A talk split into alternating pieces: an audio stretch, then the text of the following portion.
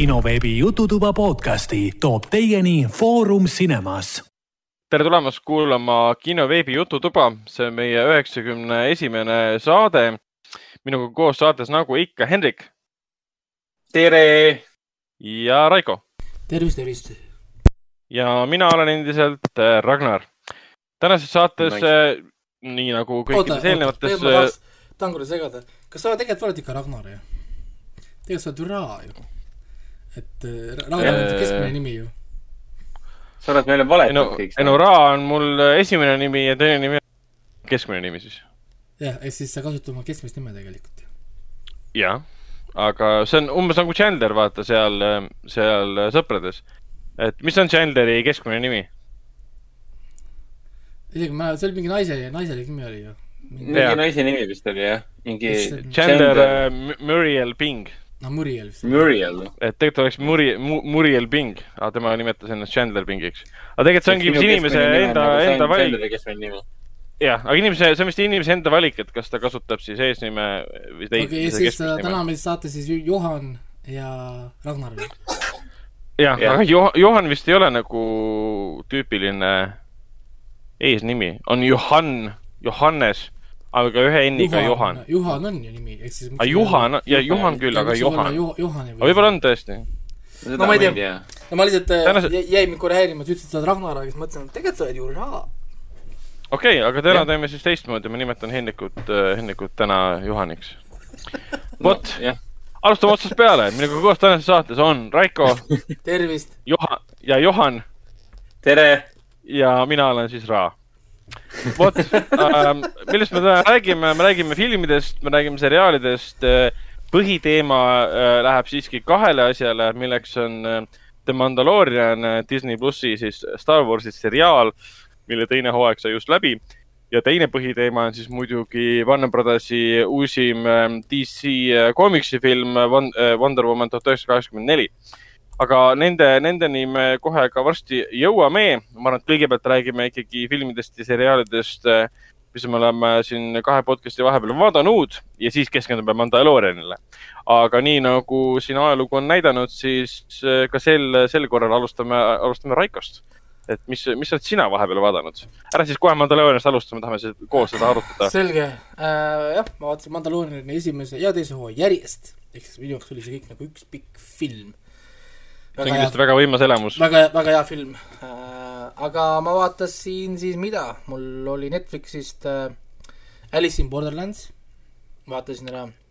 see oli nüüd siis äh, see lõuna, ei ja,, Jaapani yeah,. see on nüüd Jaapani, ta on mingi miks on seal ka, seal, ta on, põhimõtteliselt vist on Jaapani tegijad, aga seal on minu arust küll ka mingid Lõuna-Korea nimed käivad läbi, aga põhimõtteliselt on Jaapani oma siis vaatasin ära Blood of äh, Zeus lõpuks äh,, mida ma tegelikult tahtsin ammu vaadata, aga nüüd siis äh, mul on ta ikka veel poolik.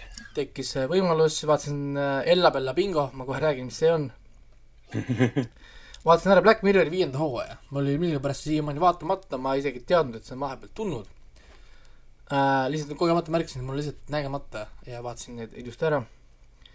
ja siis äh, see kolmkümmend münti, HBO see kolmanda osa vaatasin ära mis siin siis tuli välja. ja üldiselt oli päris hea see saak, et äh, midagi niisugust väga halba ei olnudki. halva, halva, halvani me jõuame pärast äh,. aga, aga, aga muidu oli päris, päris hea kraam. Alice in Borderlands on väga, väga kõva seriaal äh,. üheksa, üheksa punkti kümnest. Easy. ja, ja, ja ma juba ootan teist hooaega. vastik cliffhanger'ini, noh, aga noh, mis sa teed et teen niisuguse lühikokkuvõtte, on siis põhimõtteliselt tegevus ongi Jaapanis, Tokyos kus siis kolm sõpra saavad kokku äh, ühel päeval. Ja mingil politseist ära joostes äh, läheb peitu äh, mingi metroo WC-sse või kuskil, ühesõnaga mingi WC kuskil väljas. Ja siis kõik läheb väike vaikseks, tulevad välja, kõik on Tokyos kadunud, kedagi kuskil ei ole. Nemad kolmekesi on ainsad, kes on Tokyos, käivad ringi, otsivad äh,, kedagi kuskilt ei näe, kedagi ei leia. Ja, ja siis äkki läheb, tuleb põlema, mäng on sealpool liiguvad siis sinna mööda tulesid asju, mis ilusti juhatab läbi linna ühte kohta, kus on telefon, võtab telefoni kätte, telefon tunneb äh, selle facial recognition'iga nad ära ja ütleb, et mängu, mäng kohe algab. ja nendega liitub veel kaks tüdrukut, kes, kes samuti tulevad äh, noh, mööda neid märke.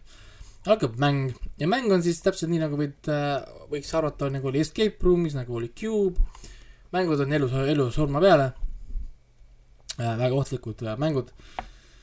ja, ja kõik hakkavad kohe kiiresti surema ja erinevad pusled, erinevad ülesanded, auhinnaks on siis äh, üks mängukaart, antud esimesel mängul vist oli siis äh, risti kolm, kus siis iga mast määrab siis mängutüüpi äh,. risti on siis, ongi meeskonnamäng äh,, ma ei mäleta, seal poti oli vist mingi, ühesõnaga mäletan, mis need täpselt need äh, žanrid nagu olid ja siis see number määrab, kui raske see mäng on.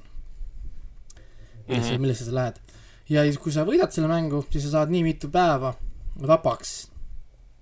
Äh, kui see number on, ehk siis nemad siis esimese korra saavad kolm päeva vaba, kuni hakkab neil järgmine mäng. ja kui sa mänguga liitud, siis saad kohe-kohe surma, tuleb taevast laser ja tap-, tapab sind ära. Ja, nad ei seleta kordagi, ei proovi ise, isegi meile seletada, kus nad on.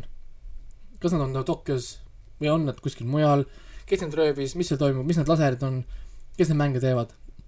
Nad lihtsalt peavad neid mängima ja iga osa on põhimõtteliselt üks mäng.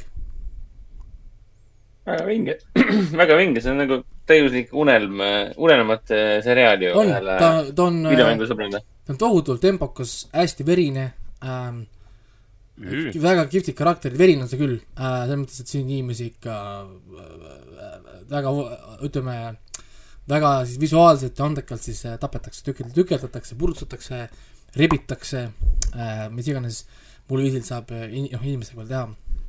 siin on korralik müsteerium äh,, kes on mis, kus äh,, mis, noh, ma räägin, mis seal toimub. ja, ja, ja need osad läksid nii kiiresti läbi, et mul oli nii kahju, et see sai joonega otsa Äh, vist oli kümme episoodi vist oli või? esimene hooaeg um,. Kahek-, kaheksa episoodi. kaheksa oli, okei okay., no ja mingi niisugune moodne siis äh,, tavaline siis äh, niisugune hooaeg. ja teine hooaeg on siis tegemisel, nii palju ma sain juba teada, põhineb siis graafilisel novellil, samanimelisel, ärge siis lugege, sest äh, ma juba natuke tahtsin lugeda, sest ma, mul ei ole ise, iseloomu äh, sul pole iseloomu või? jah yeah,, et ma ei, ma ei suuda nagu tagasi hoida, jah. ja, ja, ja, ja ärge siis lugege, ma natuke lugesin, spoilitasin, et poleks pidanud. et palju parem vaadata. Ja kihvt on sellest kaasa mõelda, saate ise ka mõelda, kas te suudate need pusled ära lahendada, kas te suudaksite välja mõelda need trikid, sest need on enamasti väga keeruliste trikkidega, nagu niisugused mõistatused. ja, ja enamasti noh, ohtlike tagajärgedega, on ju, sest iga viga on kohe keegi kuskil kutu, keegi kuskil surnud, on ju et soovitan vaadata küll, Alice in Borderlands on tõesti üks, üks väga-väga hea asi siia aasta, aasta lõppu äh,. Ma korra, vaatan korra, see peategelane oli mul kuskilt tun-, tuntud ka, ma korra kiiresti vaatan, kus see Gento Yamas äh,, Yamasaki oli mul tuntud. Ah,, see Jozo äh,, ta tegi selle Jojo äh, äh, selle live action'is. Mängis kaasa, see pole muidugi tegelikult hea näitaja. see oli päris halb. Joe, Jojo. Jah, Jojo's Bizarre Adventure as well või? Aa, aa, ja, ja, ja, ja, okei okay.. see suur anime meemi generaatorite suur lemmik, kus kohas kistakse välja seda äh, kraami kogu aeg. nii, Alice in Borderlands on jah üheksa punkti kümnest, tal on IMDB päris kõrge ka, kaheksa koma null praegu. keskmine. mis sa räägid? no ongi, äh, tundubki nagu perfektne aastalõpusari. on väga niisugune, noh, seal on kõiki asju, seal on seksi, seal on valastust, seal pannakse kõike toorelt, mis seal ei ole ja midagi nagu niisugust. toorelt või? pannakse nii kaua, kuni küpseks saab või? jah. okei, see oleks praegu liial äh, Blood of Zeus on ju, on siis Netflixi animatsioon. Äh, see on siis seesama äh, stuudio, ma korra kiiresti olin üle, aga minu arust oli seesama stuudio, kes tegi äh, kohe vaat-, vaatan selle Kas-, Kastle või? Castlevania. minu meelest ei olnud, ma olen ka guugeldanud, mul on ainult esimesed kaks vaadatud. see oli seesama ju see äh, I, IG Page ju. aa, sa mõtled animatsioonistuudiot või? ja on küll, peaks olema küll IG, IG Page, kes tegi sellesama Castlevania, vähemalt oli seal osaline. ja samad, samad on ka siin. muidugi siin on neli stuudiot on Castlevania, et äh, ma ei tea, kes see täpselt see on siin on jah, seda tegi ju Powerhouse Animation Studios ja Dong, Dong Wo. aga, aga, aga ütleme, stiil on küll väga sama, ütleme, noh, nagu ütleme, samane. on küll sarnane. ja, eks ja ta muidugi täitsa meelega ka, et nagu sama, sama seda akordi ei tabada. no on, ega nad proovivadki, ega seesama see Dragon's Dogma oli ka tegelikult sinnasamasse kanti, et, et, et ongi võib-olla niisugune mm -hmm. Netflixi stiil võib-olla, mida nad proovivad siis välja arendada ja see toimib. Dragon's äh, Dogma oli, oli suurepärane, Blood of Zeus on ka väga-väga hea asi, ütleme kaheksa punkti kümnest, niisugune, niisugune mõnusalt täiskasvanulik äh, niisugune klassikaline Kreeka mütoloogia, kus kõik pusitavad kõigile üksteisele selga. Äh,, jumalate draama, siin on teemonid, jumalad, titaanid, hiiglased, inimesi sureb vasakule, paremale, jumalatel on kõigest jumalast suva, juma-, inimesed kannatavad sellepärast, et jumalatel on oma mingi armukadedused, tülid, värgid ja, ja, ja, ja siin oleks väga hea oleks seda kokku võtta selliselt, et eh, Hera is a bitch. nagu Heera on konkreetselt, alati, nagu Heera on konkreetselt, alati niimoodi olnud. et, isegi selles Kevin Sorbo seriaalis. et, et jõhker nagu, et, et see sari ikka näitab ära, miks Kreeka mütoloogias Hera on nagu noh, ei bitch. selles mõttes, siin ei ole nii hästi saab kirjeldada sellega, sest konkreetselt sa hakkad nii kiiresti seda Herat lõpuks vihkama, come on, noh. kas keegi tõmbaks selle karakterile ühe lataka ära, noh, kaua võib? ja, ja, ja, ja täiesti hull nagu, noh. ja, ja, ja on äh,, siin äh, story on siis selline, et, et äh, on nüüd nagu uus niisugune nagu ma ei tea, riik või asi on tekkinud, inimesed, kes on söönud hiiglaste liha. kui nad söövad hiiglase liha, siis nad muutuvad teemoniteks. ja nüüd nad siis nii-öelda liiguvad mööda maad ja valutavad endale uut nagu maad, ala nagu juurde. siis on Heron, on ta nimi, on niisugune tavaline talupoiss. on ju, kes tegelikult ei ole ta-, tavaline äh, talupoiss, sest äh, sarja nimi Blood of Zeus annab meile väga hea vihje, kes ta tegelikult on. ta on üks äh, siis äh, üks, peajumala üks paljudest Zeusi kindlasti. paljudest äh, nii-öelda sohi, sohilastest siis. tegelikult. ja, ja kui siis teemonid tulevad, siis kõikide üllatuseks ta on hästi tugev, ta on hästi osav, peab nagu vastu, saab kohe inimeste tähelepanu ja siis satubki siis Zeusi niisuguse väikse abiga siis nii-öelda äh, teekonnale või retkele, kus siis tuleb äh, teemonid siis hävitada. ma ei, ma ei, ma siit rohkem ei spoilerda, aga, aga siin on päris palju niisuguseid klassikalisi anime momente siis, kus kohas äh, Heron siis tõmbab viimasel hetkel väga mugaval ajal välja täpselt selle vajaliku võime või oskuse, mis tal siis vaja on. nojah, muidugi, nii see alati käibki ju. et, et äh, jah äh,, soovitan vaadata küll, väga täis, väga, väga täiskasvanulik, ärge siis lastele näidake seda, et siin on ka asju, mis võib-olla lastele ei sobi. et äh, ja mulle ka esimesed kaks osa väga meeldisid. selles suhtes, väga, väga noh, lõbus, väga tõsine või noh, kui Castlevania meeldib, siis meeldib ka Blood of Zeus, väga meeldib. on, on Castlevania on muidugi parem. ei, Castlevania on jah. parema, ütleme, see narratiiv on parem kui, kui, kui siin. sest äh, ta jääb jah, nüüd natukene võib-olla niisugune pinnapealseks, aga ta ei ole nii pikk, et ta ära väsitaks, ta on täpselt ni- niisugune, et sa saad vaadata ära ja ja ole, oled rahul, vaatasid. ja ta tundub olevat ka selles mõttes nagu limiteerituna või nad on jätnud niisuguse nagu akna endale, et see tegelikult, see jääb nagu lugu äh, noh, jääb nagu, mitte ei noh, jää, tähendab, on nagu valmis, ehk siis ei jää midagi pooleli ehk siis vaatad selle ära, kõik asjad on lahendatud ja osa, noh, hooaeg, hooaeg ongi läbi. saavad edasi minna, kui nad tahavad, aga nad ei pea minema, sest lugu on tegelikult tehtud. nii, siis äh, Ella Bella Bingo tuli sinna äh, Telia tv videolahendusse tuli uus multikas Ella Bella Bella Bella Ella Bella Bingo, no come on, kes pani selle tõlke? jah, et äh, see on siis Ella Bella Bingo on siis noor tüdruk, kes on siis äh, huvitatud mustkunstist ja tahab siis teha koos oma parima sõbraga Henriga äh, siis kohalikku tsirkust nii-öelda, oma emadele, isadele, ühesõnaga kohalikele naabritele teha tsirkust. aga äkki siis ühel päeval kolib nende siis sinna naabruskonda kolib siis mingi uus laps.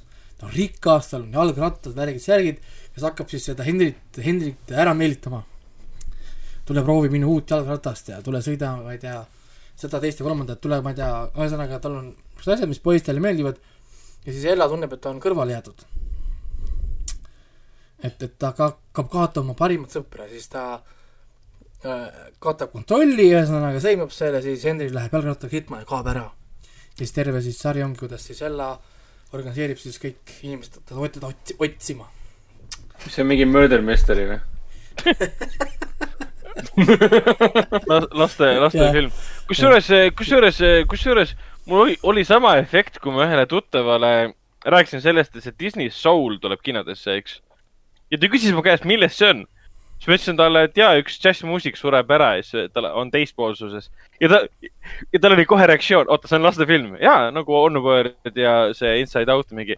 sihuke lugu, et lihtsalt džässmuusik sureb ära ja keegi minu lauseid rohkem edasi ei kuulanud kui ma rääkisin, et džässmuusik sureb ära, läheb teispoolsesse, siis ta õpib uuesti armastama muusikat ja tahab tagasi ellu, ellu, ellu saada. aga kõik olid jumala üllatunud, šokeeritud, oota, mida, film algab sellega, et džässmuusik sureb ära, okei okay.. nii, Äh, aga sa peaksid oma viieaastase kaasa oota, kas te, kas te seda kas te seda Souli meem, meemi olete näinud või? see oli see, Äh, et see Mhm. Pi- Pixar äh, pani, Pixar kunagi näitas, et äh, nukkudel on tegelikult, et nukud tegelikult elavad, vist oli, et koletistel on hinged, mis see, mis seal oli, vaid koletised on head. Jah, või jäsed ja siis äh, meemi lõpus oli ja nüüd aastal tuhat kakskümmend ta lõpuks ütleb meile, et mustanahalistel on hinged. issand jumal. ei, mul on, ma olen sedasama asja märganud ühel, ühel saidil äh, Shadow, issand, Shadow and Black, kus kirjutatakse musta, mustast äh, kultuurist ja, ja filmist hästi palju.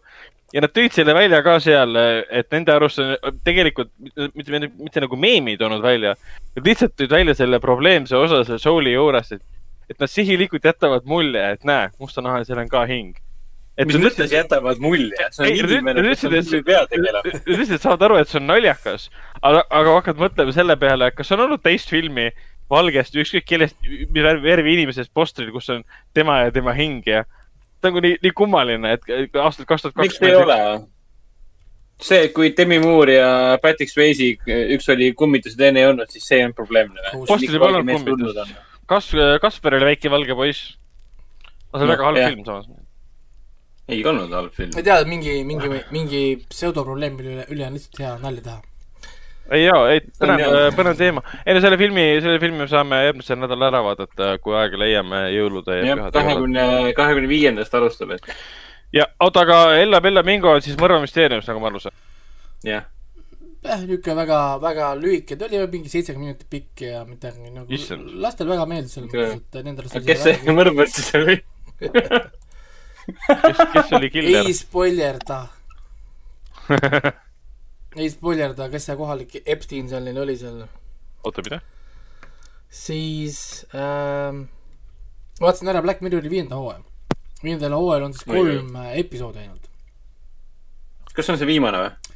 ja jah, siis mm -hmm. esimeses episoodis on meil äh,, ise, mis ta nimi oli? Mä-, Maci, oli või? Anthony Mackie või? Oli vist ta Maci jah ju?, on küll. jah, On Anthony küll,, jah. Anthony Ma- Maci ja siis see teine, issand, tal oli hästi keeruline nimi. ma korra vaatan, mis see oli, Yahya Abdul Mateen. jah, issand, ma ei, Tema on ju- tema on ju- Aquamani Black Manta. mis asja, Watch, Watchmeni Doctor Manhattan. Aquamani Black Manta. Watchmeni Doctor Manhattan, väga hea näitleja on. nii, Karl Baar, see oli ka minu lemmik, ütleme, kogu selles osas, vaata nendel oli, ma ei tea, kas te olete vaadanud seda, seda viiendat hooaega või? Ei ma ole, pean kurbusega, kurbusega nii, ütlema, pole nii et ma kaugele olen, jõudnud miskipärast See- selle, see oli- kaks tuhat üheksateist tuli välja juba või? see oli see oli väga-väga kihvt, ütleme, episood, mulle tohutult meeldis see episood, väga niisugune mõnus Black Mirrorlik. natukene võib-olla leebe lõpuga, aga ütleme, väga Black, Black Mirrorlik.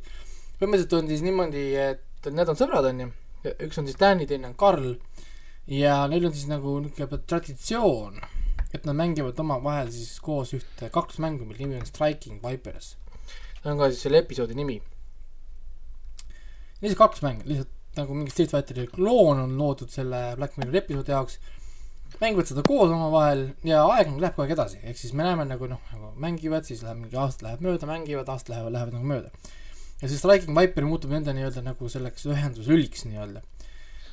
ja siis hästi kaua aega on möödas, lõpuks on kümme-viisteist aastat on möödas, kui siis see Karl tuleb siis Tänni sünnipäevale jälle sest kogu tegevus käib ainult Tänni sünnipäeval, terve nagu noh, asi. ja see on see moment, kus inimesed tulevad nagu kokku või noh, nagu ja siis ta toob talle Striking Vipers X mängu, mis on virtuaalreaalsusega. et paned siis selle nagu siia pea peale, ühesõnaga siia kõrvale kuskile ja siis äh, lähed sinna mängu sisse ja saad mängida siis nüüd seda kaks mängu virtuaalreaalsuses siis, kus kontrollid kõike ise ja nüüd oma kehaga ja asjadega. Vau, päris äge ju. tahaks ise ka mängida. tahaks küll mängida ka Tekkenit ja Mortal Combatit virtuaalselt, ma olen, ma olen täiesti, täiesti, täiesti nõus. ja, ja siis asja, asjad hakkavad juhtuma.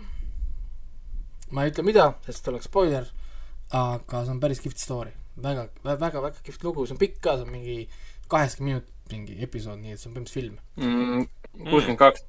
kuuskümmend, kuuskümmend kaks oli, okei okay,, no ikkagist päris pikk oli selles mõttes. ei tundnud, et ta nii lühike oli või? minu arust oli ikka pikem. okei no Netflix vähemalt ütleb niimoodi, et kuuskümmend kaks. okay,, no siis ma nüüd äh, ma mäletan, et see oli, et see oli kauem järelikult pidi ikka väga hea asi olema, et sa nagu tundsid, et see võiks pikem olla. ei, see läht-, läks siis noh, tundsid, et on pikk. ma ei tea, ühesõnaga see oli päris korralik, jah. ja, ja siis, tea, ma olen väga rahul, siis teine osa on see Toh-, Tohvri Grace on meil siis seal.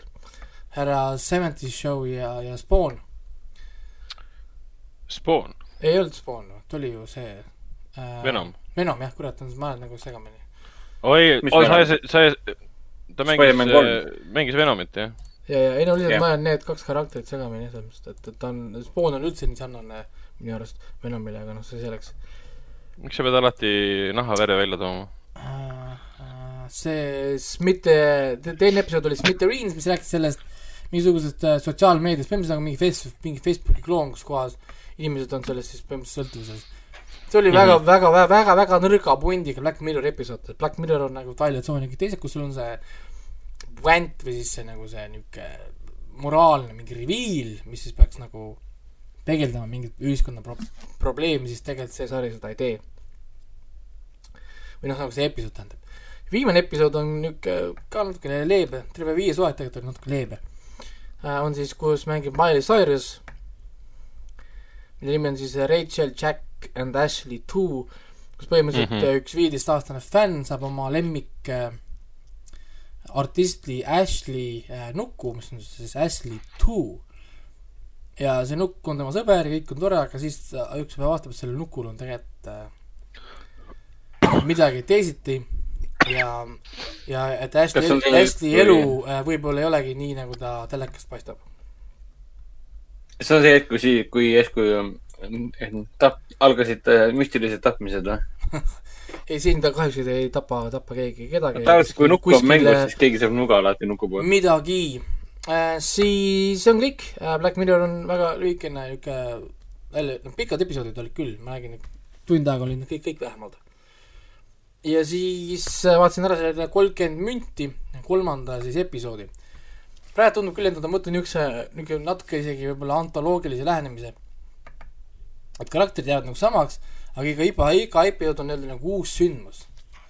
noh, nagu täiesti uus nagu case põhimõtteliselt kui esimene episood oli see lehmast sündinud beebi, mis läks käest ära täiesti mingi üle mõistuse, siis teine oli see äh, Ouija äh, lauaga kutsumine, läks kõik käest ära. siis kolmas episood on peegel. see on päris mm, -hmm. päris, päris andekas ja päris kihvt on. niimoodi, võlupeegel jah? peegel, see on, ütleme, premise on siis niimoodi, et nad on äh, kõik kuskil ah,, mingi pulmades või kuskil ja siis üks, ühel mehel juhtub autoõnnetus, sest ta on stressis, tal on palju muret. siis nad lähevad haiglasse või kuskilt tuleb, küsit-, küsitakse, mis on mure, siis ta naine ütleb, kurat, ma ei peaks teile ütlema. aga me ostsime ära oma apteegi kohal oleva vana korteri. seal on, seal on üks peegel. ahah, okei okay,, kõik vaatavad, noh, selge, aga edasi seal on peegel, kas te ei saa aru või? seal on peegel. no, mõttes, jah, aga mida see nagu tähendab? tulema, lähe tulema, näitan sulle. nii. Lähevad siis kõik koos sinna seda äh, peeglit vaatama. mees vaatab tükk aega peeglisse, no kas sa näed seda ähm? keegi ei näe mitte midagi. ja siis ütleb, et vaata oma selja taha laua peale.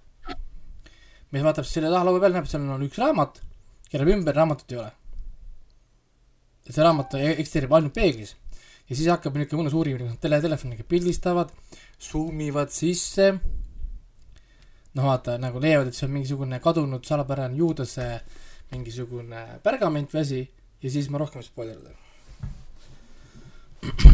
okei okay., ma ikkagi pean, pean ette võtma. et see on niisugune, niisugune mõnus müsteerium, mõnusad asjad on siin toimuvad siin. jälle väga crazy, jälle päris palju niisugust äh, what the fuck momendid. Nii et ma ei tea, ma ei oska isegi kuhu, ma ei oska kuhu, ma ei oska isegi mõelda, kuhu see sari läheb. või, või no mis siin, mis siin nagu saama hakkab, ta on lihtsalt nii, ta on nii nagu kontrolli alt väljas mingil määral, aga samal ajal nagu nii ilusti raamist, noh nagu hästi ilus sari on ta, selles mõttes hästi ilusti filmitud, mulle nii meeldib see Hispaania küla, kus nad elavad noh, nii nagu kihvt äh, nagu selline set piece on nagu niisugune mõnus vanad kirikud, kõik on nagu vanad majad, seesama see vana peegel, niisugune ilus massiivne mõnus niisugune Mm. noh, nagu ikka ongi mingi Hispaania niisugune mõnusad, kõik lauad, mulle ei meeldi üldse see kogu see värk, sellised uksed, mulle meeldisid uksed seal. niisugused ilusa Vau., ilusa disainiga mõnusad niisugused uksed, noh nagu tunned seda raskust ja kõike niisugune kihvt koht, kus nad seal nagu elavad või noh, nagu on. et igal juhul soovitan vaadata HBO pealt siis seda kolmkümmend münti ja jälle lapsele kõrvale võtke, sest teil on väga keeruline seletada, mis seal toimub. kui te ise ka muidu saate aru, mis seal toimub, sest see on muidugi omaette väljakutse. viieaastane kõrvale, et mis toimub, sina mingi.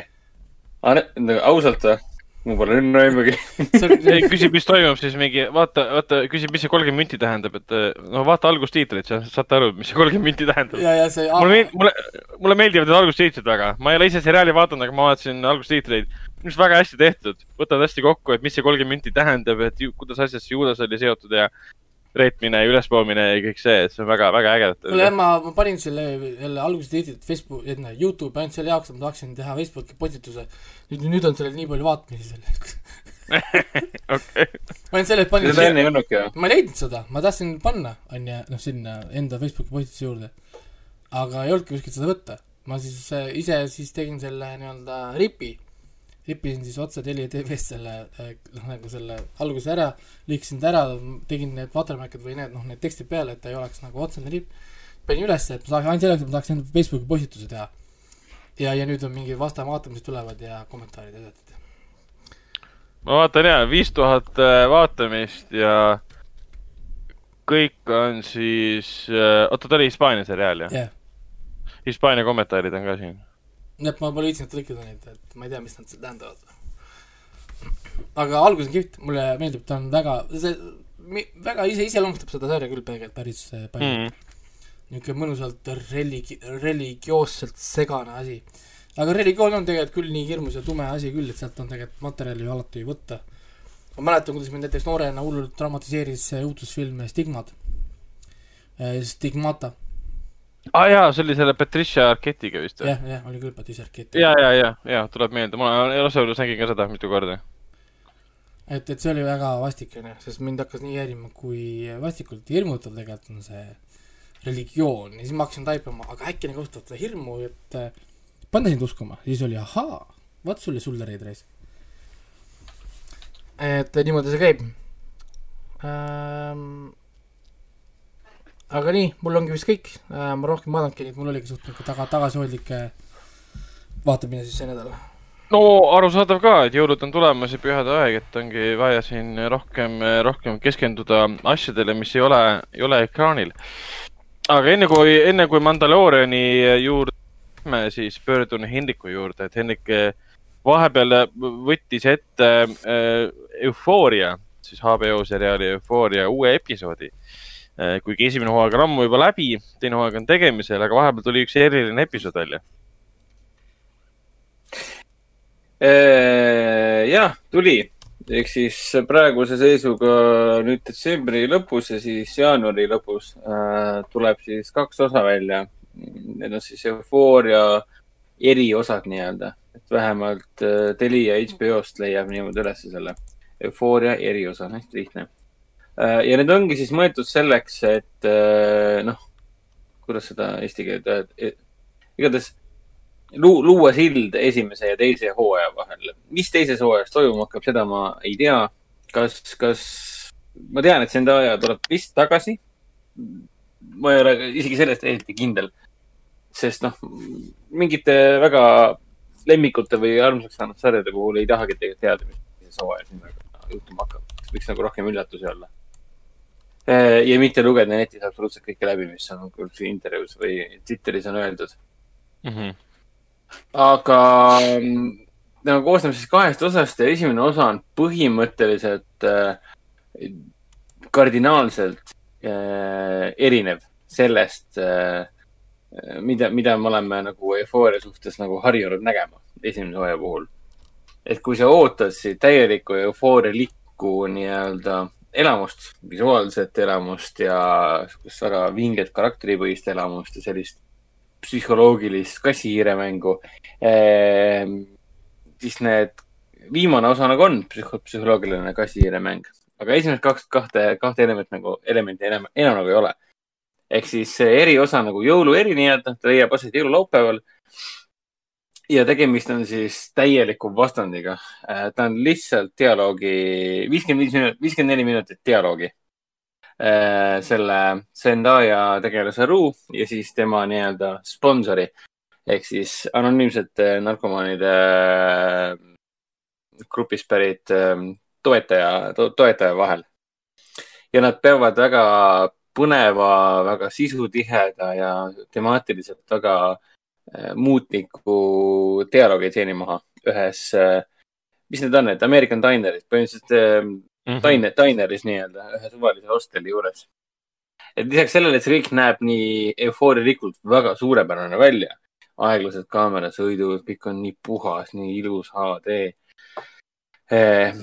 siis, siis ta algus võttis ikka väga, noh, ütleme nii, küllaltki kaua aega võttis harjumine sellega mm, -hmm. et selles episoodis on ainult äh, kolm näitlejat, kellest üheksakümmend üheksa protsenti on siis äh, Zendaya ja teine on siis kolmand Domingo, kes siis tema sponsorit või noh, seda toetajat mängib. Eh, Hunter Schaffer ilmub ka korraks välja episoodi alguses, see on see, kes mängib tema Zendaya armastatud seda Jules'i, kes on väga-väga lahe tegelane esimeses hooajas. aga põhimõtteliselt, eh, kui te ei ole veel eufooriat vaadanud, siis Telia HBO-s, HBO-s on see täiesti olemas. Eh, ma ei väsi kordamast, kui eufooriliselt vinge, pööraselt crazy seriaal see on, seda peab nägema et, et kui üldse sel aastal mingit sarja vaadata, siis see on see sari, mida peab vaatama. ma luban teile, et sealt tuleb igaks ajaks meelde kummitama ka. see ja siis see lisaosa, see esi, esimene, esimene osa nendest lisa, kahest lisaosast. See on nagu selline ülivajalik äh, järellainetus äh, põhimõtteliselt äh, eufooria esimese hooaja lõpule. Ragnar, sina oled ju eufooria lõpuni vaadanud ju?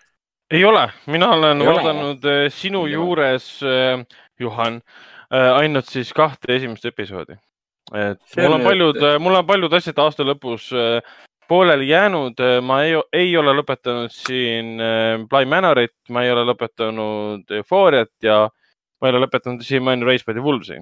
ehk siis mul on need tükid äh, vaja lõpetada. püha jumal, mida ma kuulma pean, mul on nii kurb selliseid lauseid kuulda. Race by, olen... by Wolves on lõpuni vaatamata. ma olen sinuga nõus, mu, eks, eks mu elu ongi natuke kurb praegu. okei okei ähm,. sa tahad, tahad sellest pärast rääkida või? Ma tahan, et sa räägiksid, räägiksid veel võib-olla eufooriast, kui on midagi nüüd juurde. sellest esimesest, sellest eriosa esimesest osast on nagu raske tegelikult rääkida, sest tulemus võib olla see, et ma spoilerdan ära, sest noh äh,, eriti veel sinu puhul, kes sa pole seda eufooriat lõpuni vaadanud. see on see, see eriosa on konkreetselt seotud esimese hooaja lõpuga. ahah, okei okay. äh,. või noh, millega kogu hooaeg äh, kulmineerus nii et, aga see on äh,, põhimõtteliselt on see karakteri uurimus, kogu viiskümmend viis minutit, viiskümmend neli minutit karakteri uurimust, Zendaya karakteri uurimust äh,, ruutegelase karakteri uurimust ja see on väga-väga põnev kuulamine mm. -hmm. minu arust enamjaolt sa lihtsalt kuulad ja loed subtiitreid ja kuulad lihtsalt ja vaatad, millest nad räägivad. mul on niisugune tunne, et ma tõenäoliselt vaatan seda uuesti, kui see eri, eri osade teine osa välja ilmub. ma vaatasin, et jaanuari lõpus oli vist kakskümmend neli või midagi sellist et väga vinge äh,. täitis küll seda, ma ise tunnen ka ennast kohati nagu see, see ruutegelane siin eufoorias, kes äh, on äh, noh, sõltlane ja ma ise tunnen ka, et mul on järgmist fix, eufooria fix'i vaja nii-öelda veenides. ja see lisaosa, eriosa nii-öelda, see nagu täidab küll seda auku hinges. nii, aga siis äh, kusjuures äh, Shetland, minu, meie pere, meie, meie pere lemmiksari äh, Shetland äh, sai läbi ETV pealt siis Mhm. ehk siis kõik viis hooaega on ETV ära näidanud.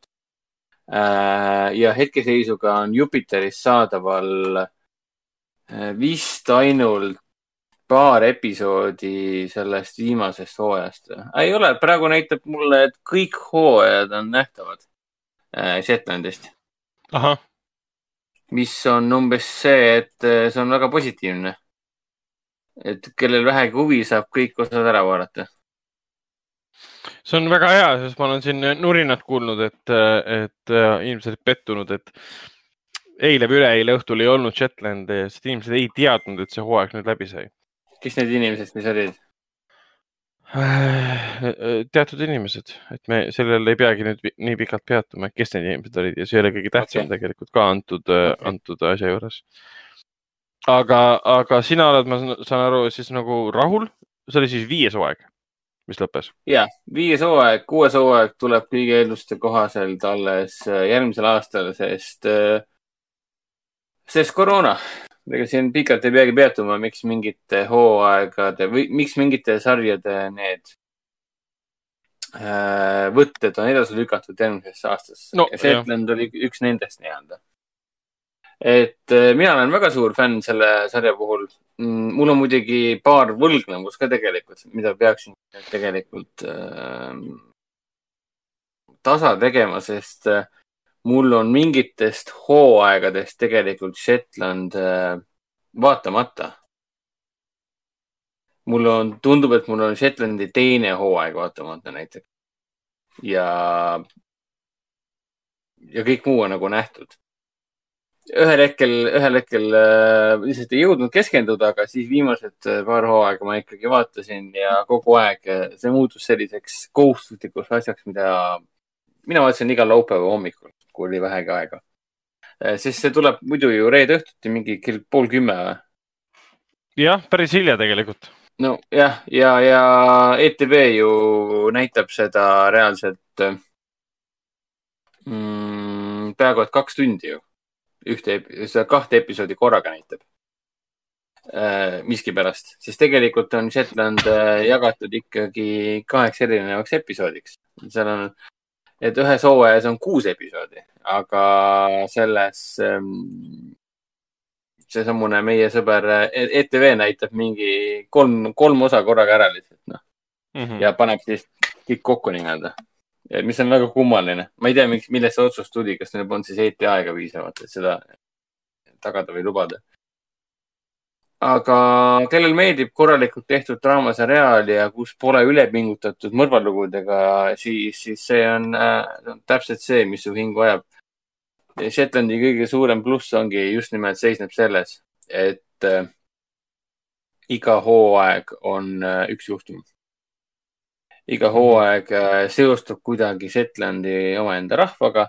iga hooaeg ei ole mingisugune pöörane, kuidas seda nüüd öelda, proportsioonidest välja viidud äh, mõrvajuhtum, ei ole mingeid sarimõrtsukaid ja ma ei tea, mida veel.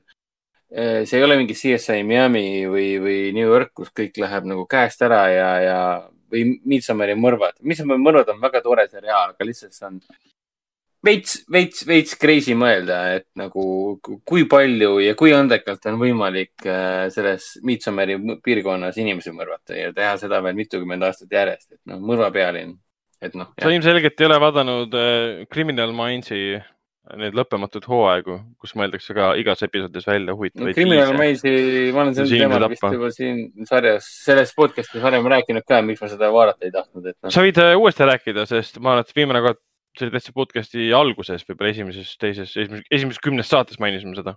huvitav, mis see Criminal Mindsi eestikeelne pealkiri üldse oli? kurjuse kannul. kurjuse kannul jah äh,. no mul isa vaatas seda ju kogu aeg, noh, meie isa.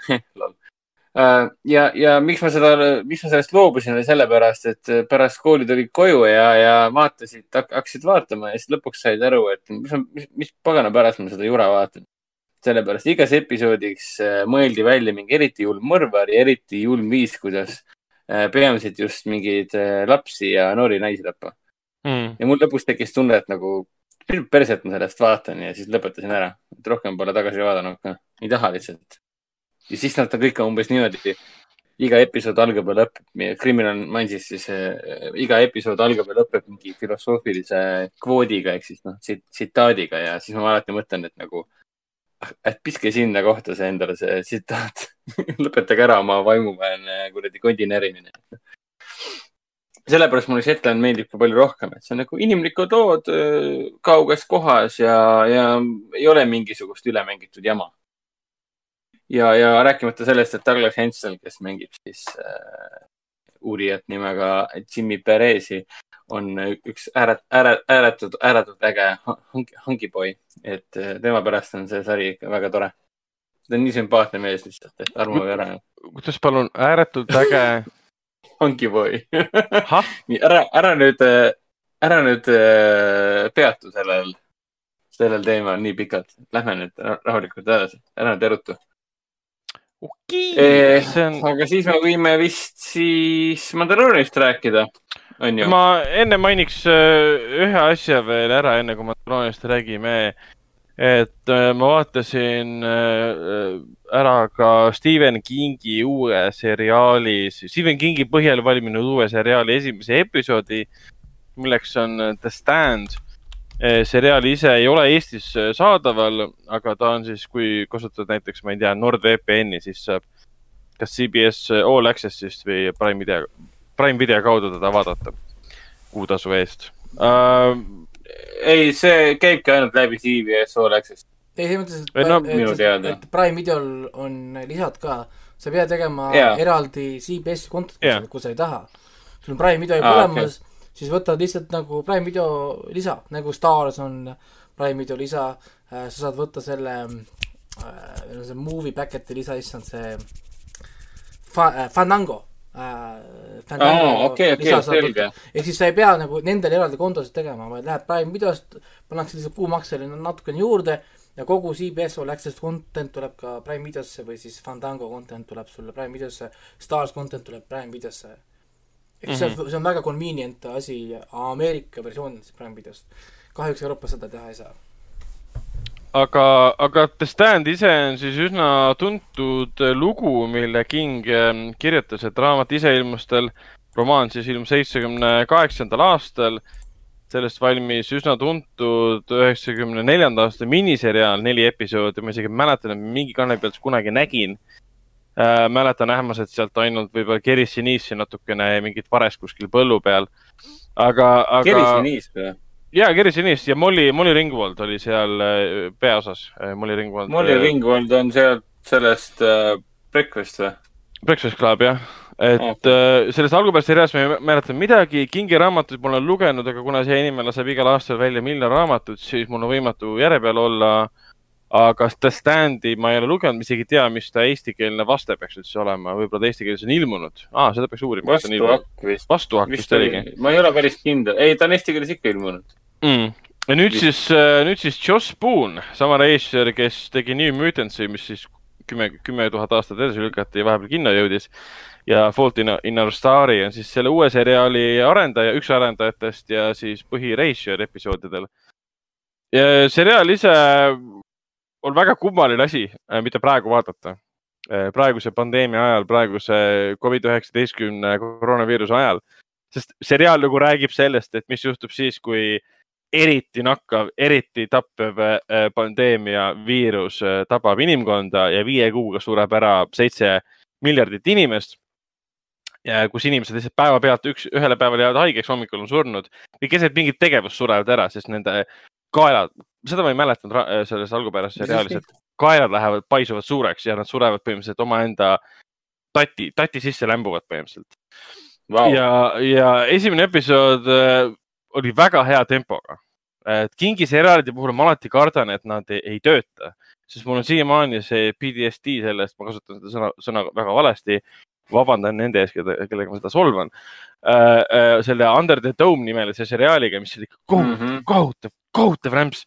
halvasti näideldud, halvasti kirjutatud, selline aga see oli sama, see oli sama network'i loodud.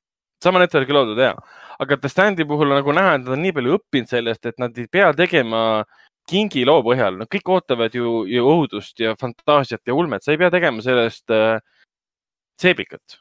ja The Stand õnneks vähemalt esimese episoodi põhjal, ta ei ole äh, seebikas. et kohe-kohe läheb asjas, asi käiku, ei ole mingit pikka tutvustust, juhatust sellest, et äh, et äh, esialgu me näeme, kuidas maailm oli siis äh, enne, kui pandeemia tabas, siis me näeme pärast seda elu. ei, kohe põhimõtteliselt pandeemia kohal esimese kümne minutiga on selge, kes suri, millal suri, kui palju suri, mis see pandeemia endast kujutab, et see ei ole oluline antud juhul. see, see asi, asi ei ole tegelikult, see seriaal ei räägi, kuna see on kingi põhjal, seriaal ei räägi sellest, kuidas, äh, ma ei tea, Steven Soderberghi Contagion'i stiilis pandeemiast jagu saada. siin on ikka palju suuremad äh, ütleme, jõud mängus, et Whoopi Goldberg mängib siin ühte sellist enigmaatilist, ütleme, heade poolel olevat karakterit. Ja siis äh,, issand, mis ta nüüd oli, Aleksander Skarsgård siis äh, mängib siis äh, nii-öelda tume äh,, sünget karakterit äh,, Randall, Randall Flaggi. ja kui Randall Flaggi nimi tundub tuttav, siis see on enamus nagu Kingi fännide jaoks väga tuttav nimi. see nimi, see tegelane on läbi käinud siin Kingi Tumeda torni seeriast, on erinevatest raamatutest seriaalidest Randall Flaggil on väga palju, mitu, mitu erinevat nime. Eh, et ta on nagu ühendav element kõikide Kingi raamatute puhul. ja siin ongi tegelikult hea. ta on see Arts Nemesis nii-öelda või see nii-öelda põhi, põhipainalik vaenlane kõik kogu Kingi universumis ja, et noh, Randall, Randall Flagg on, noh, ta on Walter O'Dim näiteks või on Martin Broadcloak ja näiteks erinevad kujud ja, ja näod, mis tal olnud on ja, ja tegelikult seriaal ongi nagu headuse ja kurjuse vahelises võitluses. Et kurjus, mis aitas, ma rõhutan, aitas esile tuua pandeemia, mis tappis maailma. et see, see, siin ei ole nagu sellist mängu loodud, et mingid teemonid ja mingid, mingid olendid tulevad ja tekitavad pandeemia. see on ikkagi äh, niivõrd-kuivõrd inimestega seotud, lihtsalt nad andsid, andsid nagu ulata, ulatasid käe, et seda asja, asja kiiremini, kiiremini levitada et kurjus kasutab ära pandeemiat, et nii-öelda inimese, inimese nagu südant kalestada. Ja samal ajal on hea pool, et kes meelitab, meelitavad neid ellujäänud siis enda poole, et nad ei läheks kurjuse poole. ja, ja esimene episood tõesti väga tempokas. Äh, tuttavatest näitlejatest see põhitüüp on James Marston, äh, keda me teame noh, igalt poolt põhimõtteliselt X-meeste filmidest siin The Box nimelisest filmist äh, äh, viima- äh,, sel aastal oli ta selles äh, Sinise siili äh, äh, filmis äh,. Noh no,. Silsoonik. Silsoonikus näiteks ja, ja tal on väga palju filme, kus ta mängib koos digitaalselt loodud äh, lastele suunatud äh, karakteriga. Aga... no ta oli ju see äh, kuradi, noh. no oh,. ta oli see Scott seal äh, X-meestes ju jah, täpselt jah, ja Scott, äh, see, kes, see, kes ei saanud vaadata oma, oma paljaste silmadega. miks ma ei mäleta tema kangelase nime, täitsa uskumatu lihtsalt. Cyclops uh,. Cyclops, jah, jah. Cyclops, jah, okei okay,, jaa. Thanks, Raiko ma ei tea, lihtsalt täielik brain fart, noh aga Destandi puhul ja mina olen väga-väga üllatunud, kuivõrd, kuivõrd hea algus tal on tehtud ja, ja vaatan teda lootuslikult äh, edasi ja kes vähegi on Kingi fänn, siis nemad peaksid seda nii või naa vaatama, et Kingi asjade põhjal on tehtud vähe häid seriaale, aga väga palju häid filme, mille hulgas on ka kohutav trämpsu, olgem ausad, sest noh, materjali on palju. Aga vähemalt esimene episood on tõesti, et võttis küll judinaid äh, korraks sisse. Äh, kui vaatad äh, eriti pandeemia liikumise kulgu, seda kiirust, tähendab, kujutati. muidugi siin on muidugi kingilikud siuksed üleloomulikud elemendid sees, et selles mõttes üleloomulikud elemendid, et sa kohe näed ära, kes see, et Randall Flagg on selline, selline teisest ajast ja maailmast ja, ja kuskilt õhevikust pärit äh, karakter, kes on justkui nagu trikster või no selline saatan yeah. kuskil nurgas, et, et jätab uksi kuskil lahti, kus, et ukse lahti tegemine tähendab seda, kui mingi karakter näeb, et uks on lahti, et tal tuleb mõte, et ta läheb läbi selle ukse kui uks poleks lahti olnud, siis ta ei oleks sealt läbi läinud, aga Randall Flagg oli õigel ajal õiges kohas, teadis, kuidas inimene mõtleb, et kui ta teeb selle ukse lahti, siis ta läheb sealt läbi ja lo see loob omakorda sündmuste, sündmuste, sündmuste ahela. jah ja., selline see tegelane umbes ongi. ta oli ja. väga prominentne seal äh, Tumedas tornis ka mm, -hmm. mitte filmis siis, vaid äh, selles seitsmeosalises või kuueosalises äh, seria-, raamatusarjas jah. ta oli samasugune, kogu aeg tume- samasugune. tumeda tooni filmi muidugi ei soovita vaadata. aga sellest sellest praegu rohkem ei räägikski, et äh, saab rohkem muljet, kui oleme rohkem episoode näinud. aga Hendrik, Hendrik mainib hästi kiiresti ära ka lennusaatja. tahtsin küsida ka selle kohta, et mitu episoodi sellel The Standil on. Seda Äh, ma ei ole kontrollinud aa, ta on miniseeria tegelikult alles. ja ta on miniseriaal. ta on, sest materjal on üks, vaata. üheksa episoodi, jah. ja jookseb siis seitseteistkümnendast detsembrist kuni üheteistkümnenda veebruarini. jah, ahah, nii et veebruaris juba saame No rääkida selged siis äh, hooaja lõpust või noh, nagu tervest hooajast. nii et aga mingil hetkel võib loota, et see sari tuleb ka siis ka, et ei pea VPN-idega jurama, et on võimalik, et ta tuleb ka siis TV3-e või midagi no sellist. need CBS-i asjad CBS-i asjad lähevad ju sinna Prime videosse ka. noh, nagu pärast ise, noh nagu mitte Aa, nagu läbi, läbi, mitte mitte läbi nende, vaid. äh, et ta jookseb, et alguses jookseb ära seal nii-öelda teles ja CBS-is ja siis tuleb Prime'i. jah, et mingi aasta pärast, eks arvatavasti järgmine sügis äh, tõenäoliselt. aasta või no see võtab aega, aga noh, ta tuleb selles mõttes, ega ta tulemata ei jää. okei. aasta läheb, läheb nii kiiresti, läheb nii kiiresti, et seda ei saa arugi. Mis samuti tulemata ei jää, on äh, minu, minu hetkel Telia HBO-s vaadatava seriaali Lennusaatja finaalepisood, mis on mul jätkuvalt vaatamata. ehk siis ma olen selle sarjaga jõudnud siis seitsmenda, esimese hooaja seitsmenda osani ja viimane lõplik finaal on äh, veel vaatamata, tõenäoliselt homme hommikul vaatan lõpuks ära. senimaani jah, ei, ütleme niimoodi, et kui kallil, kallil kuulajal on, on närvikava piisavalt palju, et selle sarja peategelasest nagu nii-öelda jagu saada ja teda, talle kaasa hakata tundma või mõista teda eh, või võtta teda kui väga meelelahutuslikku nii-öelda olendina, siis on kõik hästi. aga kui sinu jaoks see tegelane on eh, vastik ja vastik närvipundar, kelle iga tegu on ebaloogiline, siis tõenäoliselt sa jätad selle seriaali pooleli et äh, mul endal oli ka vahe umbes sihuke tunne, et nagu jube inimene lihtsalt, aga, aga, aga kuskilt sarja hooaja kuskilt keskelt, siis see selgroog lõpuks murdus ja siis äh, lõpuks nagu tehti selgeks tegelikult vaatajale, miks ta peaks siis sellest äh,, miks sa peaksid üldse sellest hoolima. Kelly Coco mängib siis seda lennusaatjat, kes uurib siin seda ühe, ühe, ütleme niimoodi, et väga rikka poisi või noh, noormehe mõrva millesse on siis tema ka seotud, segatud nii-öelda. ja tema teeb seda muidugi väga hästi, andke talle kõik Emmid ja kuradi kuldgloobused ja mis iganes. tõesti väga Mhm. head te- tööd teeb.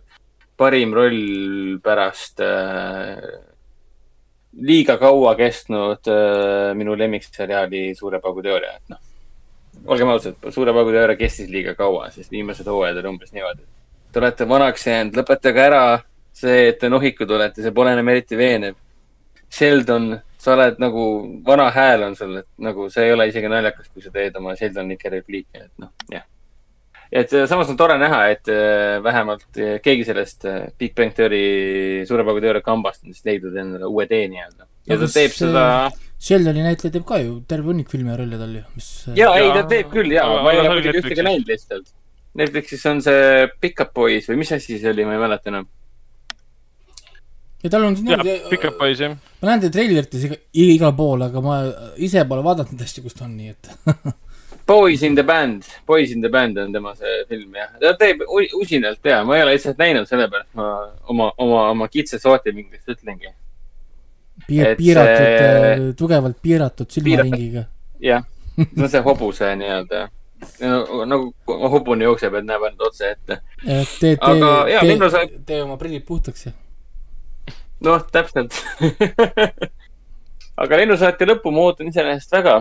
selle sarjaga on nüüd väga rahule ei jäänud, sest ta võtab väga selliseid tavapäraseid sisulisi pöördeid, mis on nagu etteaimatavad. aga samas äh, näitlejad ja see tempo on väga vinge, nii et äh, võib sellega tegelikult rahule jääda, et režii ja stsenaariumi vallas ja näitlejate poolest on nagu vaeva nähtud. et tegelikult üsnagi tavapärane mõrvalugu äh, vandenõulugu, mõrvalugu oleks oleks kaasaarv aastal kaks tuhat kakskümmend, nii et äh, müts maha vähemalt selle eest. nii, aga siis, siis me võime siis Mandalo-, Mandalooriani nii jõuda või?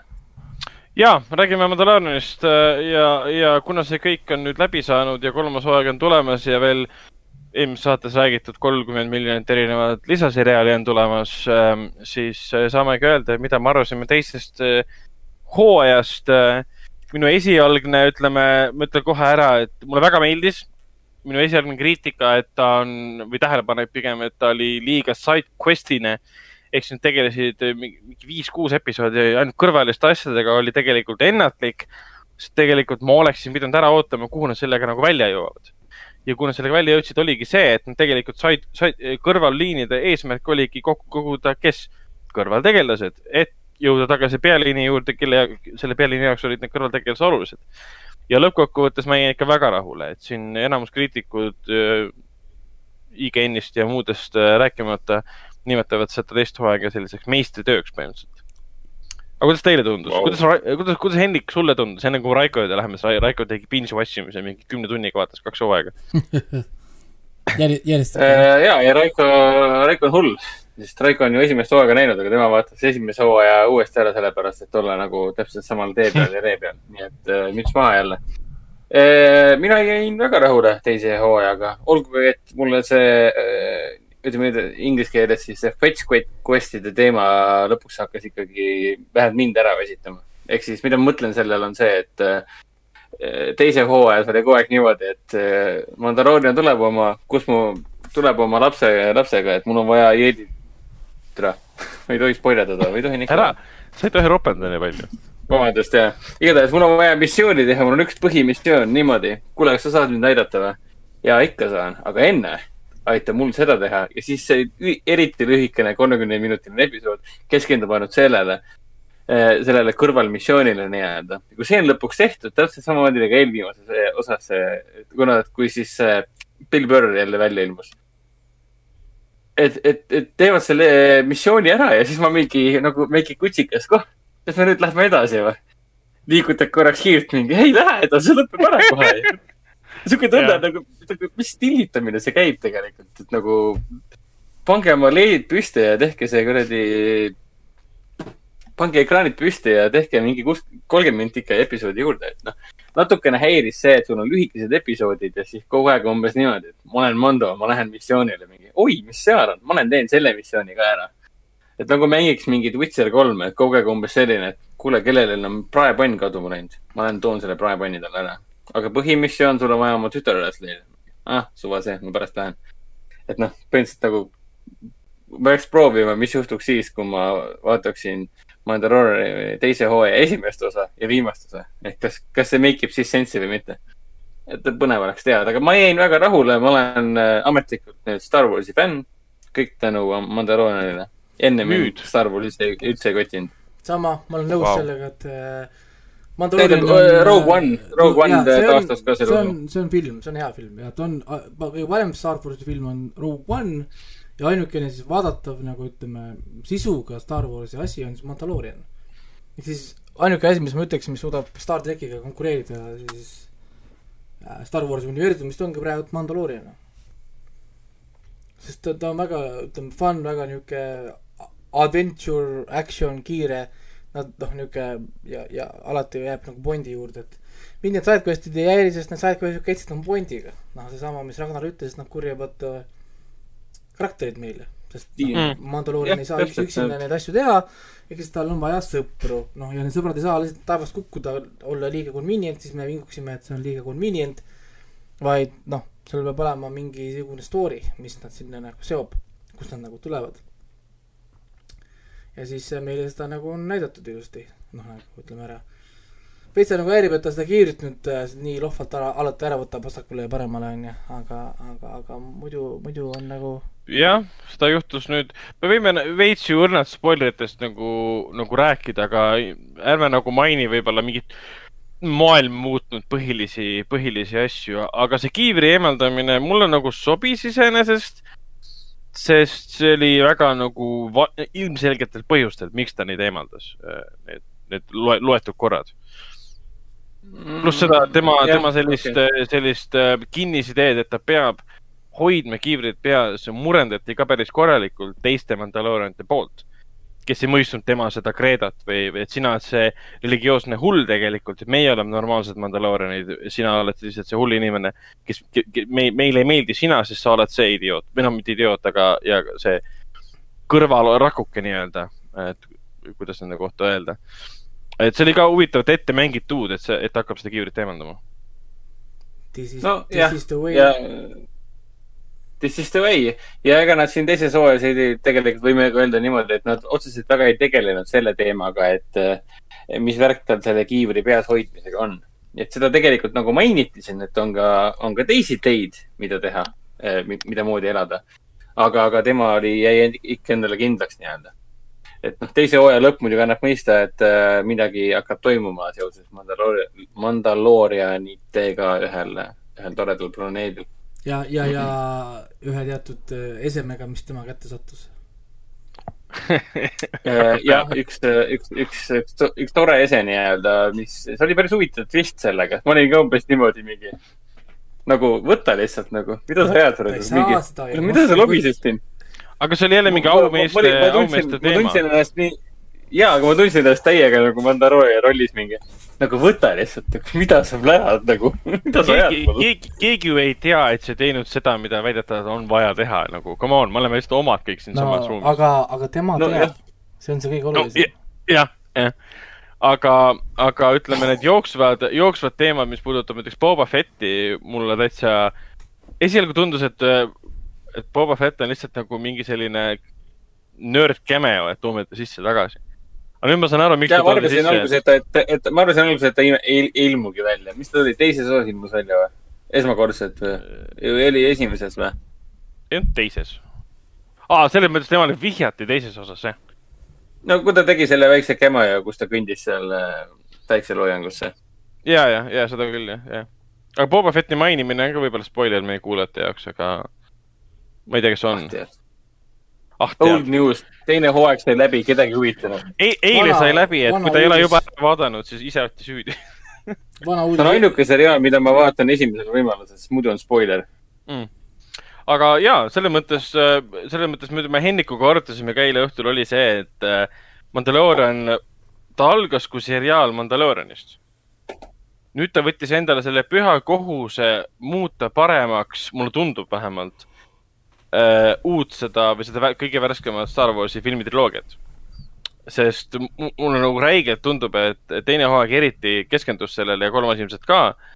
et nad täidavad neid sisuauke, mida tekitas, tekitas Force Awakensi esimene lause umbes, et kolmkümmend aastat on möödas, mitte midagi ei ole muutunud. ikka on rebelid, ikka on pahad, ikka omavahel võitlevad. et mis juht-, mis Mhm. juhtus, miks pole mitte midagi muutunud ja Mandalorian nagu näitab ära või hakkab vaikselt ära näitama, kuidas tekkis New Order, kust tuli Snoke, kust tuli äh, Kylo Ren? Äh,, kuidas ta sai nende juhiks, no me teame, kuidas see nüüd kõik juhtus, see on võib-olla Mandaloriani suurim miinus, me teame, kui ta läheb sellesse, seda teekonda ette võtma, me teame, kuhu see nagu välja jõuab. aga selles mõttes on huvitav, et lõpuks me näeme ära, miks see oli olukord täpselt samasugune siis seitsmendas filmis, kuigi kuuenda filmi lõpus justkui kõik lahenes et see, see mulle praegu seni väga meeldinud, et äh, ei olnud päris niimoodi, et kõik Stormtrooperid lihtsalt äh, kukkusid surnuks ja kõik äh,, kõik inimesed hästi õnnelikud sellega, et vabariik on tagasi, ei olnud, noh, selles mõttes pahad jäid kuskil ikkagi redutama ja mingid äh, hullud äh, seljatid, kes armastasid äh, impeeriumit ja Cityhost jäid ikka kuskil alles ja äh, hau-, hausid siis kättemaksuplaane, et see No,, see osa mulle nagu meeldis. loogiline, sest nad on terve mööda universumit laiali ju, ehk siis ei saa neid No. kõiki niimoodi ju kätte. no täpselt, universum on su suur ja lai, sa ei, sa ei saa neid korraga täpselt, et äh, aga Boba Fetti suhtes ka, et me ju kõik teame, oleme neid äh, prequel triloogiat näinud, et kes on Boba Fetti isa ja mi- millele pani aluse Boba Fetti isa, kõik see kloonide No, armee no et see tuuakse ka sisse. kloonide sõda toodi ka, mulle see hullult meeldis, et nad äh, yeah, selle Clone yeah. Warsi, isegi mainis Clone Warsi. jah, aga Ja, siis, aga äh, muidugi Mandalo- siin äh, oli huvitav asi, et aja, ajajoones mul läks, tuli küll väga error pärast sisse, nii no., et äh, mis et see, ei saa öelda, see karakter, kes rääkis Clone Warsist ja see, ja see esimene Jedi, keda ta nägi, mm. -hmm. see Jedi tegelikult peaks olema ju äh, kaputt, aa, onju. aa, ah soo, aga ajalises mõttes sel hetkel peaks olema praegu kaputt. ma üritasin lugeda foorumitest, siis nüüd inimestel on erinevad teooriad selle kohta, kuidas ta saab olla selles Mandaloriani timeline'is ja siis nad natuke nihutasid seda esialgset timeline'i arv-, arvamust tänu Clone Warsi siis animatsioonile, mis sai nüüd läbi Mhm. nagu ja seal oli päris huvitav teooria, et kuidas see karakter sai olla praegu seal ja ahah, teha seda asja, mis ta seal tegi ja mi- mida ta sealt tegelikult nagu tahtis saada. kuidas see seotub nüüd Clone Warsile, mis vastas ühele suurele küsimusele siis Clone Warsi animatsioonis. miks Mandalorian Ahah. praegu andis siis teene äh, kõikidele Clone Warsi fännidele siis põhimõtteliselt, sööstis neile, söötis neile ette siin paar asja. et jätkas nii-öelda Clone Warsis äh, pooleli jäänud ja, teemasid ja, ja sellega ta tegelikult juhatas ka sisse ju selle Ashoka teleseriaali, mis tuleb.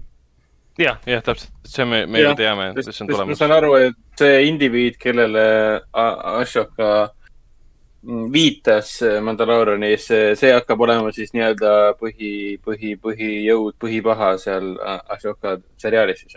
jah, ja võib-olla Mando, Mandaloriani kolmandas hooajas ka. sest ega see, ega ütleme, Moff, Moff Gideon ei ole see ainuke põhipaha niikuinii. aga see asi on okay, okei, nüüd no selle... selle, huvitav ongi, et siit hakkab nüüd see Star Wars universe hakkab pihta nagu see Marveli universe mm.. siis ma eeldan, et see oligi niikuinii nende see Disney suur plaan, kuna Marveli universe on nii viljakas nende jaoks, siis miks mitte teha Star Warsi universe'i, kelle sa ikka võtad, kui sama mees, kes tegi ju, alustas Marveli universe'i, ehk siis võtad selle Mm.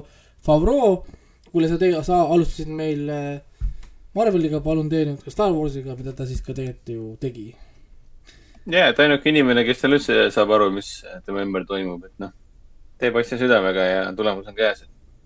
ei on, Aga noh- ma, ma tahan, on jube ilus asi. Jõhkralt istud, vaatad mingi holy crap, kui, kui hästi see on, kui hästi ilus see on. täielik nauding. mulle nii meeldib, kuidas nad tegelikult ikka jäid selle originaalse seitsmekümnendate disaini juurde.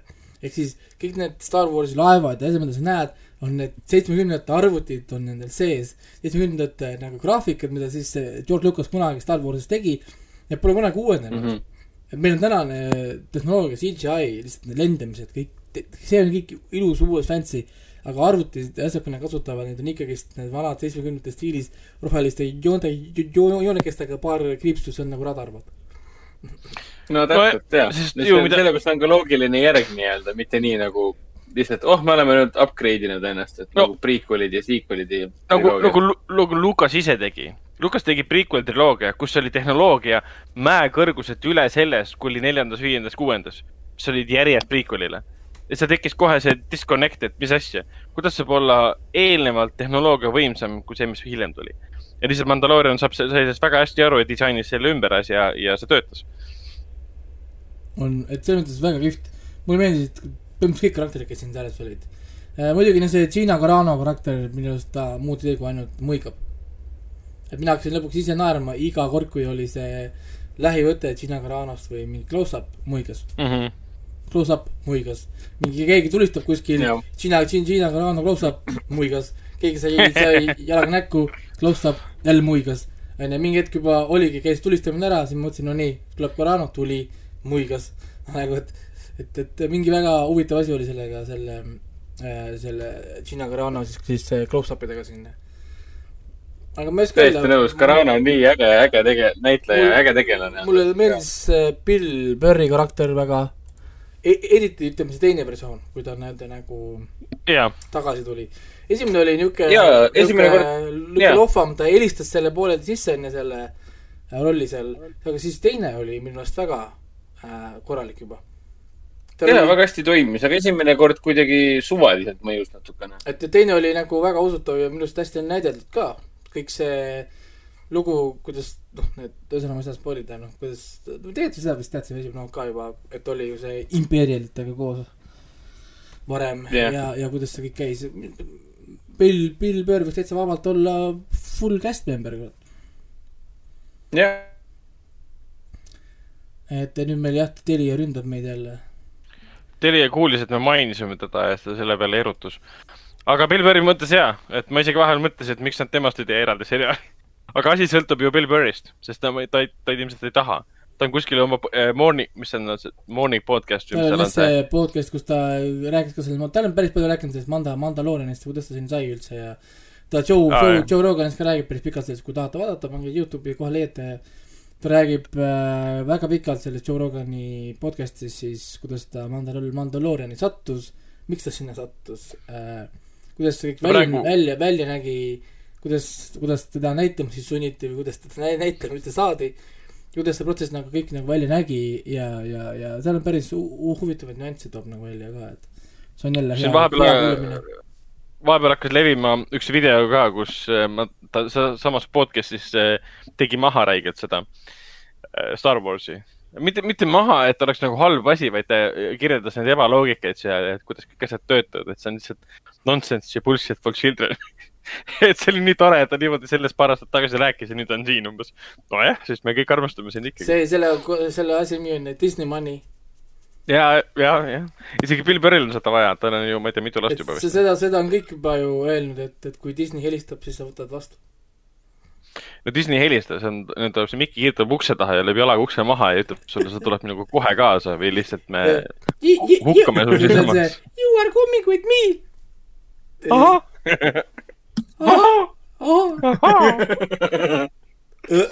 Billy Burr maga-, magas öösel kodus ja järsku kuuleb kuskilt pimedas toas mingi. aga kusjuures ma- Mandalooriani, Mandalooriani suhtes on toodud üles äh, välja seda kriitikat küll tegelikult, et paljud on pettunud, et Mandaloorian suundub vältimatult selles suunas, ja see vastik suund, mida keegi ei taha näha. Et ta ühendub selle, selle suurema Star Warsi universumiga, milleks on need filmid. et ta liigub vältimatult sinna, mille lõppu me juba teame, et inimestele meeldis just see, et ta tegi midagi teistmoodi ja mingid, ütleme, lugu, mis seal jutustati, oli midagi muud. aga nüüd tundub, aa, ikkagi tulevad Jedid sisse ja, ja kõik see teema ja eh, New Order ja blablabla bla,, et inimesed on natukene, natuke kurvad selle peale, sest seal tuleb On. see negatiivne emotsioon sisse, et neile uus triloogia ei meeldinud. On ja mulle ei meeldinud see viimane karakter ka, kes seal tuli, see suur reveal, sest mul on kergelt koblaka sees juba, noh nagu sellest. No, et jah., et kuigi, kuigi hea tunne oli küll, kui ma teda nägin, selles suhtes. sellest, sellel tasandil ta vähemalt toimis. no aga mul Smith, endal küll sihuke tunne, et nagu las ta tuleb, läheb minema, teeb oma asja, Mandalorian kolm tegeleb hoopis oma asjaga Mm. no Kevin Smith jagas, jätke see kõik muu teiste asjade jaoks. Kevin Kevin Smith jagas jälle Facebookis ja Instagramis pilti oma vesistest silmadest, et ta nuttis, kui ta seda kohta nägi. ta jagab see... kogu aeg seda samasugust pilti, minu meelest see on copy-paste pilt. ta nutab iga asja peale, mida Disney teeb. jaa. Okei, meelest ma arvan, Lion et- Kingiga samamoodi, et kui, kui Endgame tuleb välja, siis on täpselt samasugune nagu ära nutetud silmadega, siis kui Lion King tuleb välja, siis on täpselt samamoodi, mis iganes no.. ei, tal on sama asi selle DC ja Vanega. ta tahab, ta tahab Disneysse tööd, tööle saada, sest see on ju Disney money. no jah, jah, mis aga need ei ei, ei võta teda miskipärast. oota, praegu Ja töötab ju IM, IMDB-s või? ta on mingi show seal, ma ei tea, kas ta seal töötab, tal on oma see äh, Fat Man and uh, something, something podcast. ta on film, noh, selles mõttes ta teeb filme praegu siiamaani ja mitte küll väga edukaid filme, aga, aga ikkagi teeb kogu aeg uusi ja uusi. aa, õige, Aga- tal on see You- Youtube channel ka, kus ta paneb neid lühifilme sinna ka. jah, jah. on küll, jah. aga sellele vaatamata, et Mando vältimatult mingil kujul sinna liigub, sinna tuntud Star Warsi asja juurde, see mind otseselt ei, ikkagi ei häiri, sest see karakter on tugev, see Pes- Pedro Pascali mängitud Mandalorian, mis ta päris nimi oli, Jin, ei mäleta juba, millest ainult. mingi Jin Sharian oli. jah, et tema taust on huvitav, seal on nii palju avamata tahke veel, mida, mida nad saavad nagu jutustada. ja siiamaani on see, see, see narratiivne, see käsi, mis seda narratiivi juhib, olnud tugev. kuna nad keskenduvad ikkagi Mandaloorianile, temale ja tema suhtele, siis Baby Yodaga. see on nüüd läbi. ehk siis nüüd on omaette küsimus, kas ka järgmises hooajas nad suudavad leida selle sama tugeva ankru, mis seda hoiaks koos või nad hakkavad lihtsalt jutustama seda, kuidas Mandalorian avastab äh, ploti vandenõu, kuidas siis impeeriumi riismed panevad kokku New Orderit. siis ma oleksin pettunud, sest see mind ei huvita. mind ei huvita see, mida ma juba tean. ja Ja mind, muidu- mind ei huvita ka see, kuidas, kuidas see hakkab juhtuma. ma näen, et äh, nüüd on juba pannud kolmanda hooaja re- release date ka pannud siia. ah soo, millal see on kakskümmend? viis detsember kaks tuhat kakskümmend üks. kurat, juba on võtted käima. sihuke, sihuke firma on lihtsalt nagu selline konveieri pealt ikka käib see. uskumatu. väga kiiresti Aga- läks see värk jah neil, et aga kuna ma olen siin Mandalooriat äh, algusest lõpuni nüüd kiitnud äh,, peaks ära mainima siis ka, et, et äh, see viimane episood vihjab siis ühele uuele seriaalile, mida, mida siin eelmises saates me ei maininud, sest Seda äh, seda ei olnudki kuskil kirjas. et nimelt on tulemas, ongi, ongi tulemas siis äh, Boba Fettist äh, seriaal, mis äh, räägib Boba Fettist siis äh, pärast selle Mandalooriani teise hooaja sündmuseid ähm, ideena täitsa, täitsa huvitav um,. ja see on ka tühi maa selle koha pealt, ega Boba Fetti kui sellist või üldse Fett, Fette ei ole selles uues, uues triloogias. nii et neil, neil on hea võimalus teha täiesti nullist mingi huvitav lugu, mis tema planeedil saab olla.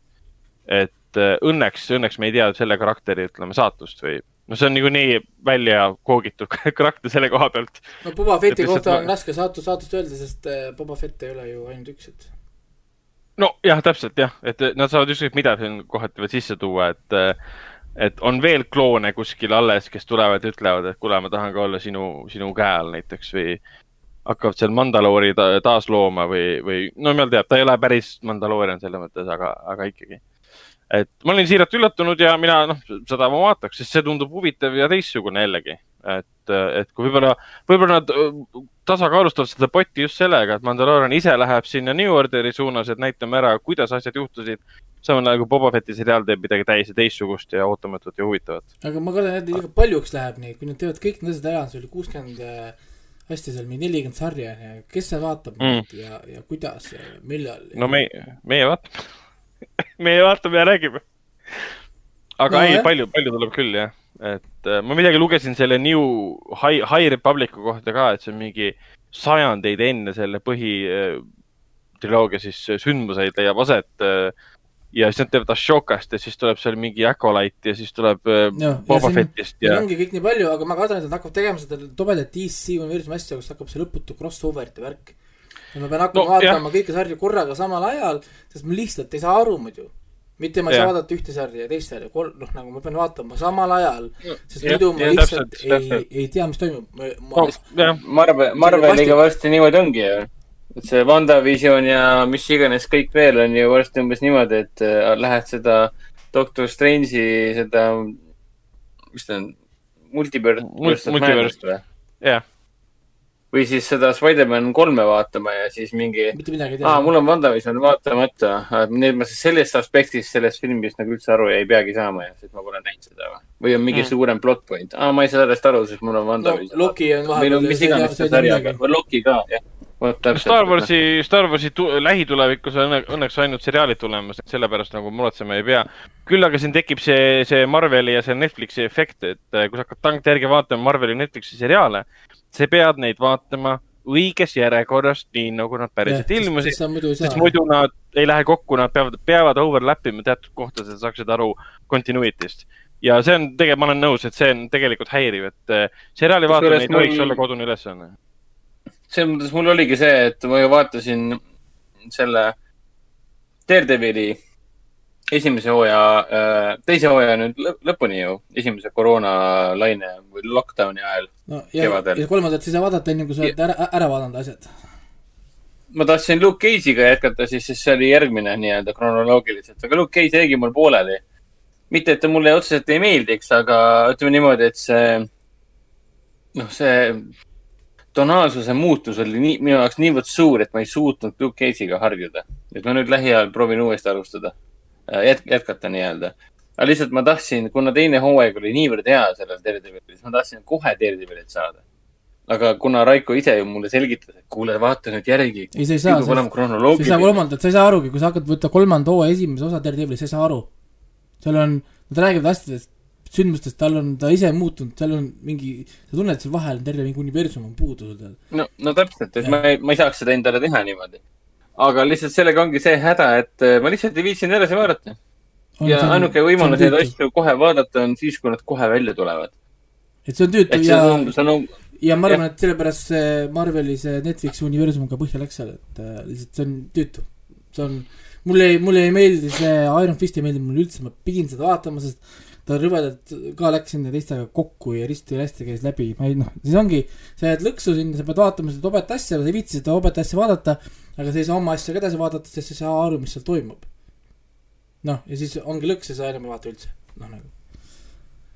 no see ongi absurdne, miks ma peaksin ise ma sõltuma mingi. loodan, et nad ei tee neid. crossover eid, et tehke kõik sarjad eraldi, nad on erinevad ajad, värgid, särgid, ära, ärge tehke neid crossover eid. ärge tehke, ma, ma, noh, pigem väldime neid crossover eid nagu. Et ma tean, et see on kihvt, tore fanservice ja kõik on nagu ullalla, onju. aga, aga oleme nüüd paremad, et see aeg on möödas, et. aga lähme nüüd kinofilmi juurde, kuulge.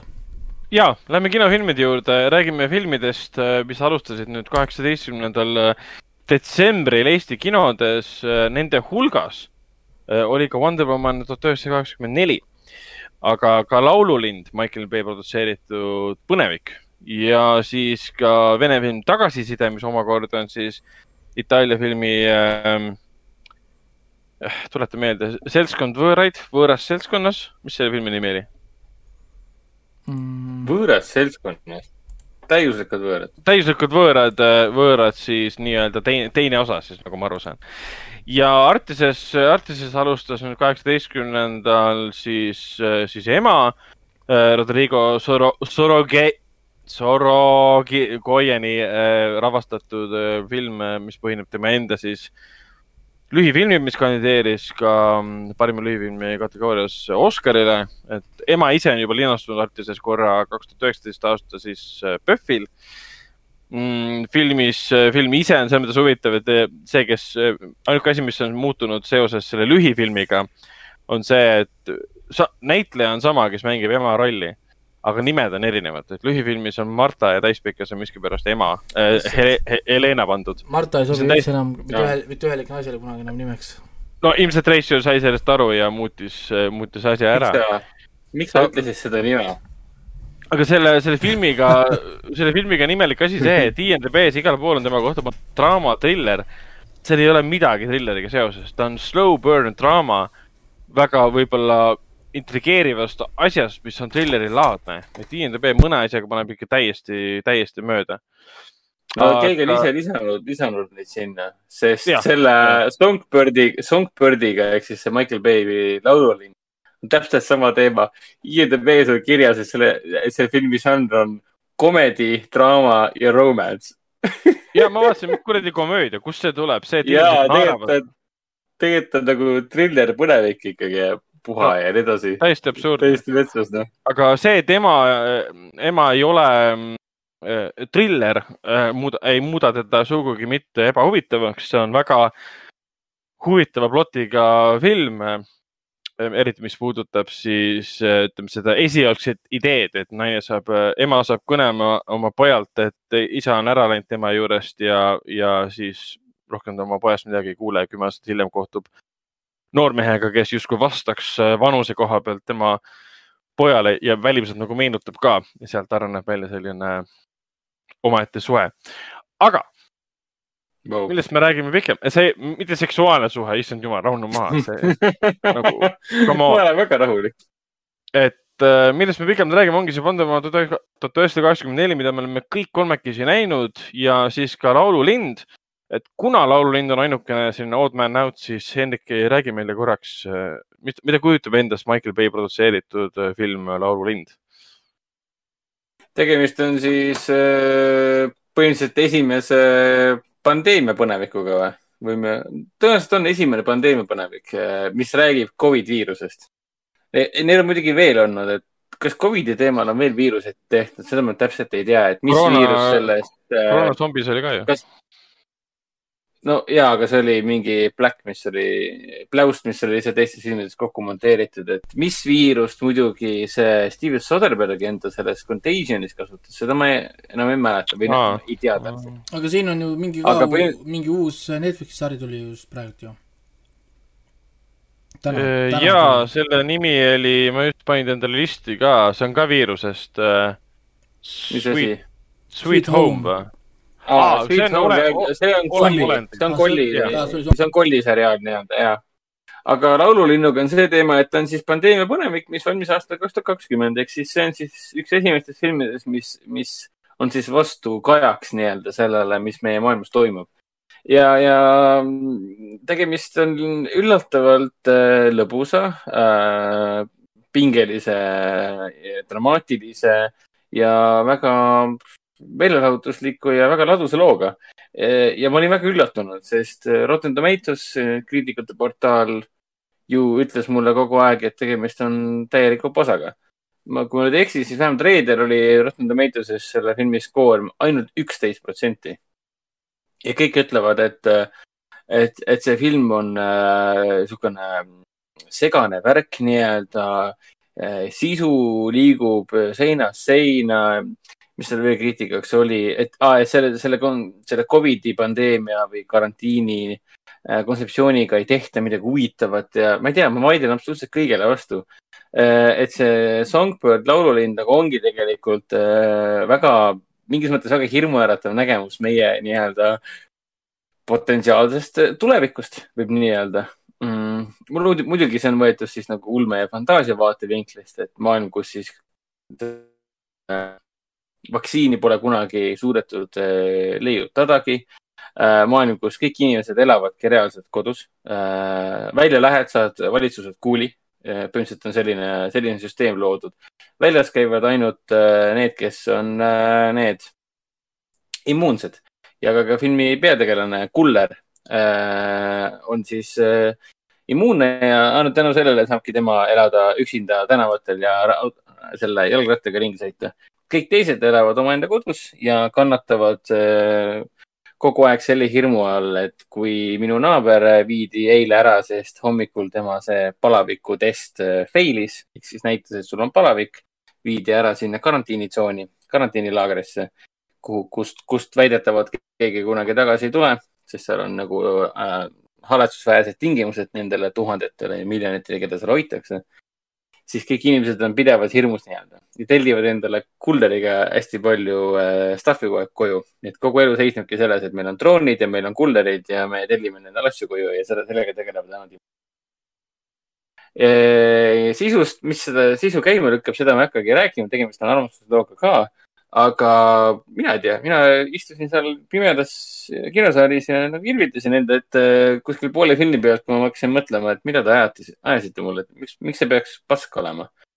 jumala ladus, põnev, niisugune kohati niisugune heart pounding ja siin on mõned momendid, mis on väga nagu äh, armsad ka veel ja, ja Ale, ma isegi läks meelest ära vahepeal, et siin mängib isegi see Aleksandra Daddario no,. kes siin vahepeal selle Baywatchi filmiga sai populaarseks ja True Detective esimeses hooajas ja näitas seal äh, asju äh,. Demi Moore mängib siin äh,, Peter Stormare mängib, Peter Stormare teeb seal väga ägeda rolli äh,. ta mängib siis põhimõtteliselt seda mm, desinfektsiooni nii-öelda üksuse, üksuse juhti nii-öelda. see on see mees, kes tuleb sulle ukse taha ja ütleb, et hello, Miss Garcia, et tulge nüüd välja, tehke uks lahti, te lähete nüüd tsooni ja kui ta välja ei tule, me lööme ukse maha ja laseme teid maha hästi lõbus tegelane nii-öelda, et noh, hirmuäratav film selle koha pealt, et, et oh sa kurat, kas see võibki meie potentsiaalne tulevik olla.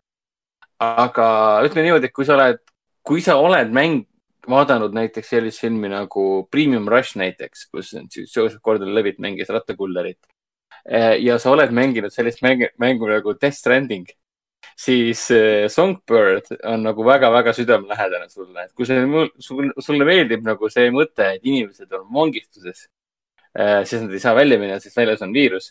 Ja sul on inimesed, kes sõidavad ringi äh, jalgratastega ja toovad sulle asju, mis sa oled tellinud, siis see on väga äge kontseptsioon ja väga edukalt on see ka teostatud. ja minul oli kohe sihuke tunne, et issand, kas mulle tehti nüüd sellest Death Strandingust tehti prequel või, et nagu päris põnev et soovitan kõigile, kellele, kõigile, kellele meeldivad head põnevikud, äh, ägedad, äh, huvitava, põneva kontseptsiooniga ulmefilmid, ulmepõnevikud, siis mul Laulu Lind on nagu kindel soovitus. et mina ei tea, aasta hakkab kohe lõppema ja see on tõenäoliselt selle aasta lõpu üks kõige meeldejäävaid filme. et kui te pärast mulle järgmine nädal tulete ja ütlete, et see on täielik pask, siis see on teie enda, teie enda viga niimoodi, aga siis me võime vist äh, minna edasi. Wonder Woman tuhat üheksasada kaheksakümmend neli ja mina, Hendrik ehk siis Johan, ütlen kõige esimesena, et äh, minu jaoks oli film igav. nii, aga teie jätkake uh,. ma hästi, hästi kiiresti mainin ära, et Wonder Woman tuhat üheksasada kaheksakümmend neli on siis kahe tuhande seitsmeteistkümnenda aasta Wonder Womani järg. Film, mis võeti kolm aastat tagasi suurepäraselt vastu, teenis peaaegu miljard dollarit, viis Patty Jenkinsi taevastesse kõrgustesse ja, ja nii edasi. Wonder Woman on sellest ajast saadik olnud siin õigluse liigas ja siis selles ähm, äh, äh, lollid pealkirjad ah,, mu aju hakkab valutama. mis see teine oli, Dawn of Justice, mis see eestikeelne oli, mingi? Batman versus Superman. ja, aga mis see Dawn of Justice eestikeelne pealkiri oli? õiguse koidik õigluse koidik, issand, mu aju hakkab valutama iga kord, kui ma seda, selle peale mõtlen. oh, issand. ja, ja ega ühesõnaga Wonder Woman oli, oli ja siis veel kahes filmis, kus oli nagu kõrvalrollis ja nüüd siis, nüüd siis kolm aastat hiljem lõpuks äh, tuli välja järg, mis leiab siis umbes mingi seitsekümmend aastat äh, hiljem aset äh, sellest esimesest filmist, mille põhitegevus oli siis esimese maailmasõja ajal. ja, ja siin me oleme, et et, õnneks, nii palju ma saan ütlema filmi kiituseks, et ta ei ole, väike spoiler võib-olla siis, ta ei ole seotud mingi suurema DC universumiga. ta on täiesti eraldiseisev film ja selle tõttu oli teda muidugi nauditav vaadata ka, et ma ei pidanud mõtlema selle peale, et mida Superman ütles selles filmis selles minutil Diana Prince'ile meelde tuletada mingisugust nonsense'i. et seda õnneks nagu ei olnud, aga Hennikuga ma olen selle koha pealt nõus, et ähm, ta oli igava, igavapoolne. Äh, ja põhjuseks on võib-olla tõesti, põhjuseks võib-olla lugeda küsimust, et kas see, kas see oli tõesti ainuke lugu, mitte lugu, vaid siis ütleme, ütleme see, kas need pahalased selles filmis olid siis ainsad pahalased, keda oleks võinud rakendada kõikide Wonder Womani komiksite hulgas. väga poliitkorrektne, see film oli jura, noh, ütle otse, et ei, ma, ma jura, ma jura ei ütleks, sest mulle oh, sorry, noh, nagu mis mul oli mis kuradi narratiiv see oli selline, noh, kes kurat nagu ei, narratiiv oli täiesti pille-palla laiali. kuidas see üldse sai laua pealt nagu edasi, noh? et, et noh, miks see kuradi Cheetaxi filmi pandi? miks ta oli seal filmis? Ta, tema ainuke eesmärk oli olla Max Lordi siis nagu ihukaitse põhimõtteliselt.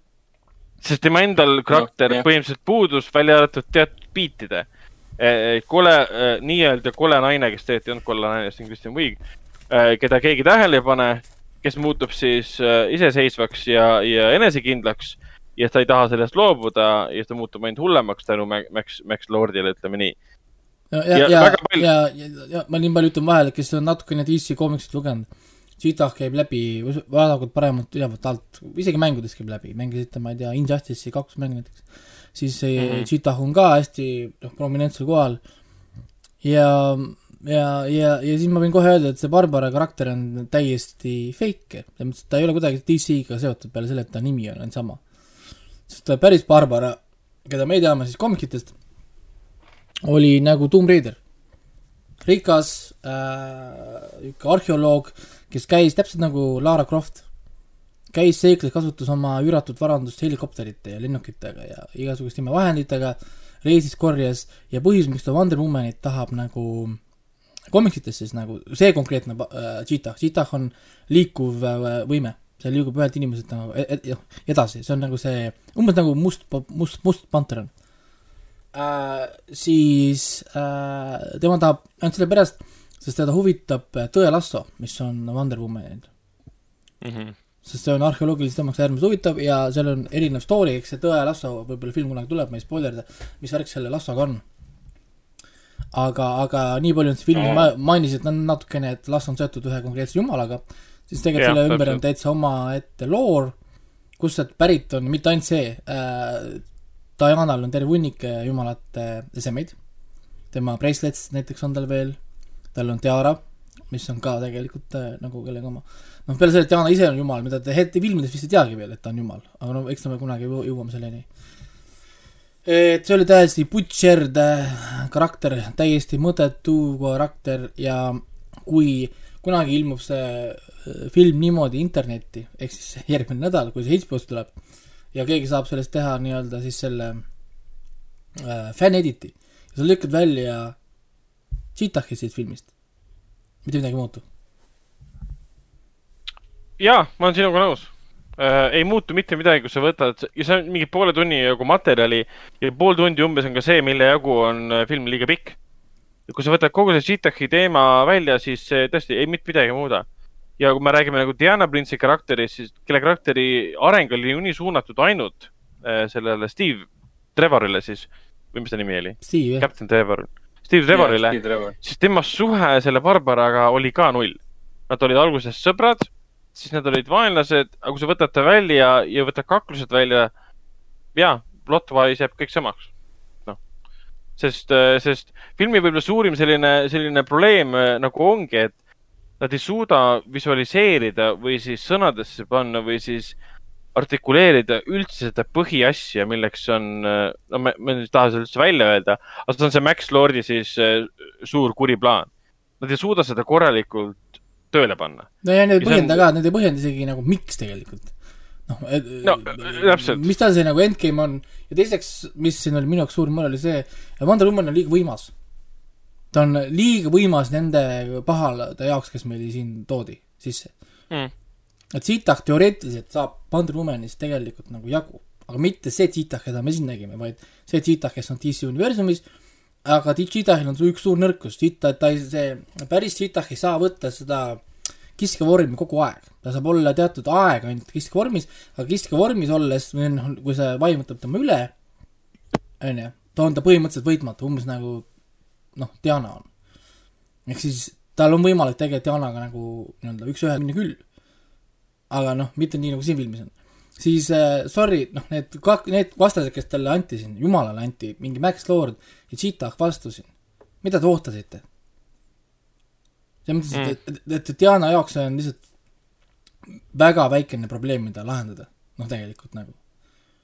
sest noh, ühte kohtu siin ja tegelikult Dianale siin filmis ei ole, et, et noh, väga halva, halvasti valitud nii-öelda nagu minu, minu jaoks need eh, DC-s noh, uni lõputust universumis, kus sul on no, tuhandeid äh, karaktereid, väga halvad ka noh, vastased valitud. et minu arust jah, küllaltki. minu arust see Max Lord oleks võinud olla Suicide Squadis ja Enchantress oleks võinud siin olla, sest Wonder Woman on no äh, Enchantressi vastu nõrk. Ehk siis nüüd tal oleks mingisugune vastane, kellega võidelda, sest Enchantress muudab täpselt nagu Supermani, muudab nende võimet äh, pointless'iks, sest äh, magic või noh, nagu maagia on üle nende võimete.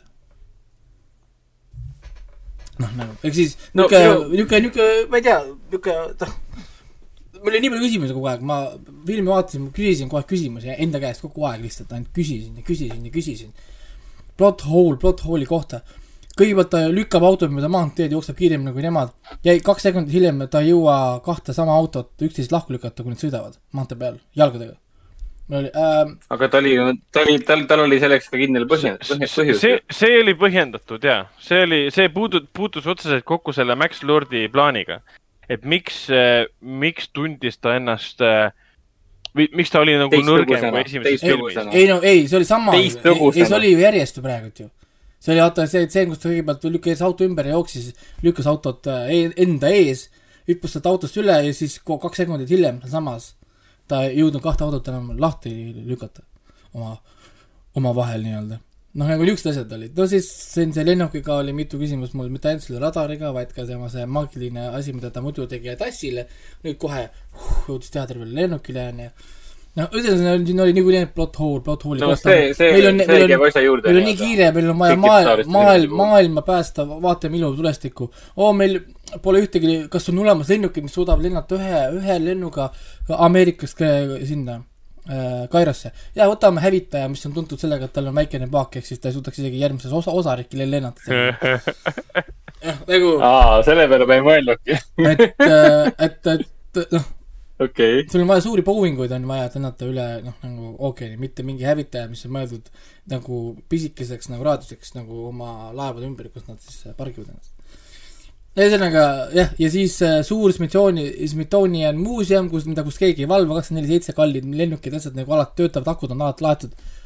lihtsalt nagu mul oli bravo, noh nagu lihtsalt bravo. kütus, kütus on sees ja nii edasi. ja, ja, Jah. ja kütus üldse Aga-, ühesõnaga siin oli lihtsalt nagu nii palju plot hole oli, et, et, et mingi hetk on nagu see, et sa hakkad lihtsalt küsimusi küsima, vaata, see on, no niikuinii sa tead, et sa vaatad superhero filmi, fine. siin on teatud niikuinii asjad, et sa pead teatud asjad viskama aknast välja, sest see on superhero, nad loovad oma noh, nagu reeglid. ja siis sellepärast ma ei tahtnud vinguda väga selle üle, kuidas Wonder Woman jookseb, mis on selgelt, teda tõmmatakse mingi kuradi köie, köiega, onju. See näeb väga halb välja, isegi Wonder Womani jooks on hästi naljakas et, et isegi Gal Gadot jalgadega, sorry noh, see lihtsalt, isegi need jalad ei suuda seda asja siin nagu päästa. tänu tema jalgadele see jooks ongi selle võrra palju naljakam. et ma noh, Te siin nägite, te nägite teda jooksmas või? ma nägin ainult jalgu. ja, jah, sa nüüd, sa, sa nüüd proovid siluda siin neid kommentaare, mis me tegime siin poiste kohta enam. Ja aga, aga ma, ma, ma kaitseks ka tegelikult natuke filmi, et äh, tähendab, mulle ta pigem meeldis. võib-olla seetõttu ta pigem meeldis, et ma vaatasin teda kaks korda, üks oli siis, üks oli kolmapäeval ja teine oli siis neljapäeval, üks oli päeval, teine oli õhtul. et esimesel korral ma, ma tulin küll kinost äh, välja täielikult selle veendumusega, et äh, see oli nüüd küll igav. Eelkõige just seetõttu, mida just Raiko rääkis, et see Max, Pedro Pascali ja Kristjan Viigi tegelased olid äh, need põhipahad, nad olid minu jaoks lihtsalt igavad, olgugi et äh, nad, nad, näitlejad tegid oma rolle nagu väga hästi. Kristjan Viig, tema, tema tegelane oli lihtsalt liiga tavaline, traditsiooniline niisugune koomiksi tegelane. ta võis seda rolli hästi teha, aga ma lihtsalt ei osanud seda vaadata, sest ma olen niisugust asja praegune aasta kaks tuhat kakskümmend, tõenäoliselt ma olen kakskümmend aastat niisugust asja juba näinud ühel või teisel kujul mm,. Pedro Pascal, vahet pole, kas ta on Mandalorianis või mitte, ta on tõustatud näitleja kunagi. Pedro tegi oma rolli väga hästi, see oli huvitav oli näha, kuidas ta täiega nautis seda, et ta, et ta lõust on nagu ekraanil. näitas hambaid kogu aeg, naeris kogu aeg ja näitas ennast kogu aeg, vaadake mind. sõna otseses mõttes ta ju kutsus selle, noh, ütleme niimoodi, et kaamerad enda näo ette ka filmis endas nii-öelda, et vaadake mind, kui ilus ma olen, vaadake mind, kesk, vaadake minu silmadesse, sihuke tunne oli, et see film ongi kirjutatud siis Pedrole, kes pole mingi kaks aastat juba või kaks või kolm aastat juba tegelikult kinoekraanil olnud ilma Nagu- nagu, nagu näitama. ta on nägu jah, näidata. aga selles mõttes, no ma ei ütle, et see film mulle ei meeldinud, minu arust see oli halb film. selles mõttes, mulle ikka meeldis, mulle meeldis vaadata Gal Gadot, mulle meeldis, kuidas ta siin näitles. Mulle meeldis siin väga palju asju, ütleme, aga ilma Gal Gadota, mis asi see üldse on, noh nagu see, kogu see franchise meil siin. Neil ei olegi sellist franchise'i no, mõttes- ilma Gal, Gal Gadota, et, et antud juhul nad võib-olla natukene mõtlevad üle ka, et mul vahepeal jääb selline mulje umbes, et, et nende loogika on see, et ah, meil on Gal Gadot, viskad talle suva stsenaarium, onju. Ja me, noh, ühesõnaga, me saame ikka no seda oli veidi, veidi, veidi tunda küll, et äh, reklaamikampaania lubas meile justkui mingit värvilist kaheksakümnendate seiklust ja aga lõppude lõpuks oli ainuke asi, mis filmis värviline oli ju, oli, oli filmi pealkiri ah., kui see äh, alguses ja lõpus tuli ekraanile. ma, ma muidu kirjutasin selle kohta review ka, tegin siis ühe i- Inksgildi review ja siis äh, ma vaatasin, et seal inimestele meeldis see üks, üks siis see lause, mis ma siis panin sinna, ma panin sinna ka, et et, et äh, keegi peaks Patty Jenkinsile meelde tuletama, et see filmi tegevus on tuhat üheksasada kaheksakümmend neli, mitte et see on tehtud tuhat üheksasada kaheksakümmend neli. et äh, vihjati siis sellele, et seal oli räigelt palju CGI vigu ka. et aa, oli jah? ja, no, no juba see jooksmine tegelikult ju No, selle seal- jooksmise kohta võib isegi no- öelda, et kas see on Aa, no, no jah, mingisugune okei. okay. throwback, throwback vana, vanematele Supermani filmidele, seda ongi eh, võrreldud tegelikult. Wonder Womani teist osa on nüüd võrreldud ju Superman ühe ja kahega, Christopher Reeve'i filmidega, öeldud, et see teine osa ongi nii-öelda äh, pilguheit või, või, või niisugune tagasivaade nii-öelda Reeve, Christopher Reeve'i ajastule nii-öelda on, Donneri ajastule. see, need on lihtsalt vabandused, näiteks seesama tseen, kus ta päästab need kaks last seal tee peal ära ja mööda asfaldist rollivad ja asjad. mul tuli see flashback sellele King Kongi filmile, noh, kus nad seal nende dinosauruste eest ära jooksevad. aa, okei. aga selles mõttes No no,, et seda on, seda on raske märgata küll, sest Gal Gadot tõmbab ikka pilku nii palju, selles mõttes nagu noh, et sa, et, et, et, et sa pead ikka väga keskenduma, et mitte vaadata Gal Gadot, vaata. noh, ja, see on ka tõsi, aga, aga filmis ikkagi olid väga palju siukseid, mitte väga palju, aga mõningased kohad, mis olid tõesti fantastilised, et mida ma loeksin fantastiliseks selle filmi juures, on selle algus. Ja ma ei pea silmas esimest poolt, ma pean silmas seda avatseeni no see jah, mis on ka internetis olemas kõikidel ava, avaepisood on no internetis on pool sellest üleval. aa, ja kuni me- ja, ja kuni selle jooksu stardini, jah. ja, et see, see jooks ise, see oli nii hästi tehtud, need efektid ja lihtsalt, kui see hakkas peale, siis mul tuli meelde, et aa õigus jaa, see ongi see tunne, kui sa vaatad ülikallist filmi suurel ekraanil kinos. sellepärast ma tulingi siia seda heli kuulma, et peksab üle, mul kõrvakile põhimõtteliselt andis teada, et ta pakib asjad kokku, läheb ära, täiesti nõus, Dolby nõus. Atmose heli lihtsalt oli umbes selline, et okei okay,, aitäh, mul, mulle meeldisid mu kõrvakiled, aga enam pole vaja. et see oli nagu võimas ja siis hakkas, hakkas muidugi see langus peale ja teine asi, mis mulle meeldis, oli, oli ka muidugi Diana Prince'i või antud juhul Wonder Womani enda lugu, mis ei puutunud kokku soovidega, mis ei puutunud kokku selle Barbaraga, mis ei puutunud kokku mitte millegiga. tema enda lugu, et Steve tuleb tagasi ja et see seostus selle shortcut'ide tegemisega, mis on teemas nagu kaks korda mainitakse seda. tema enda lugu ja leppimine sellega. täpselt ja Steve'i tagasitulek on väga oluline plot point filmis. ja see, see plot point, ma, ma tundsin, et see isiklik intiimne plot point, mis otseselt ei, ei seostunud maailma saatusega nagu muud asjad siin seostusid, see nagu töötas, kui me räägime ainult Mhm. karakterist mm. -hmm. aga kui me räägime karakteriga seotud nagu muudest asjadest, siis kõik oli nagu blää. ja, ja, ja kolmas asi, mis mulle väga meeldis, oli lendamise koht, mitte see, mitte Aa, see reaktiivlennuki lendamine. selle lendamisega mul tuli ka meelde, et see Patty Jenkins, see lavastaja, ei usalda oma pulli, publikut isegi nii palju, et nad, et nad, noh, et ta peab isegi seal laskma taustaks seda Steve'i häält, kus ta kirjeldab seda lendamise tunnet.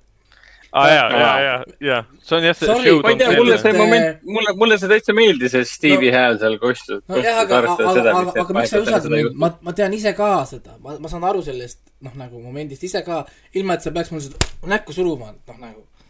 jah, no see oli pigem No mõeldud jah, ma- pigem nõus, aga emotsionaalsena. no, aga ta toimis, kuigi, aga see hetk oli tõesti väga, väga ilus.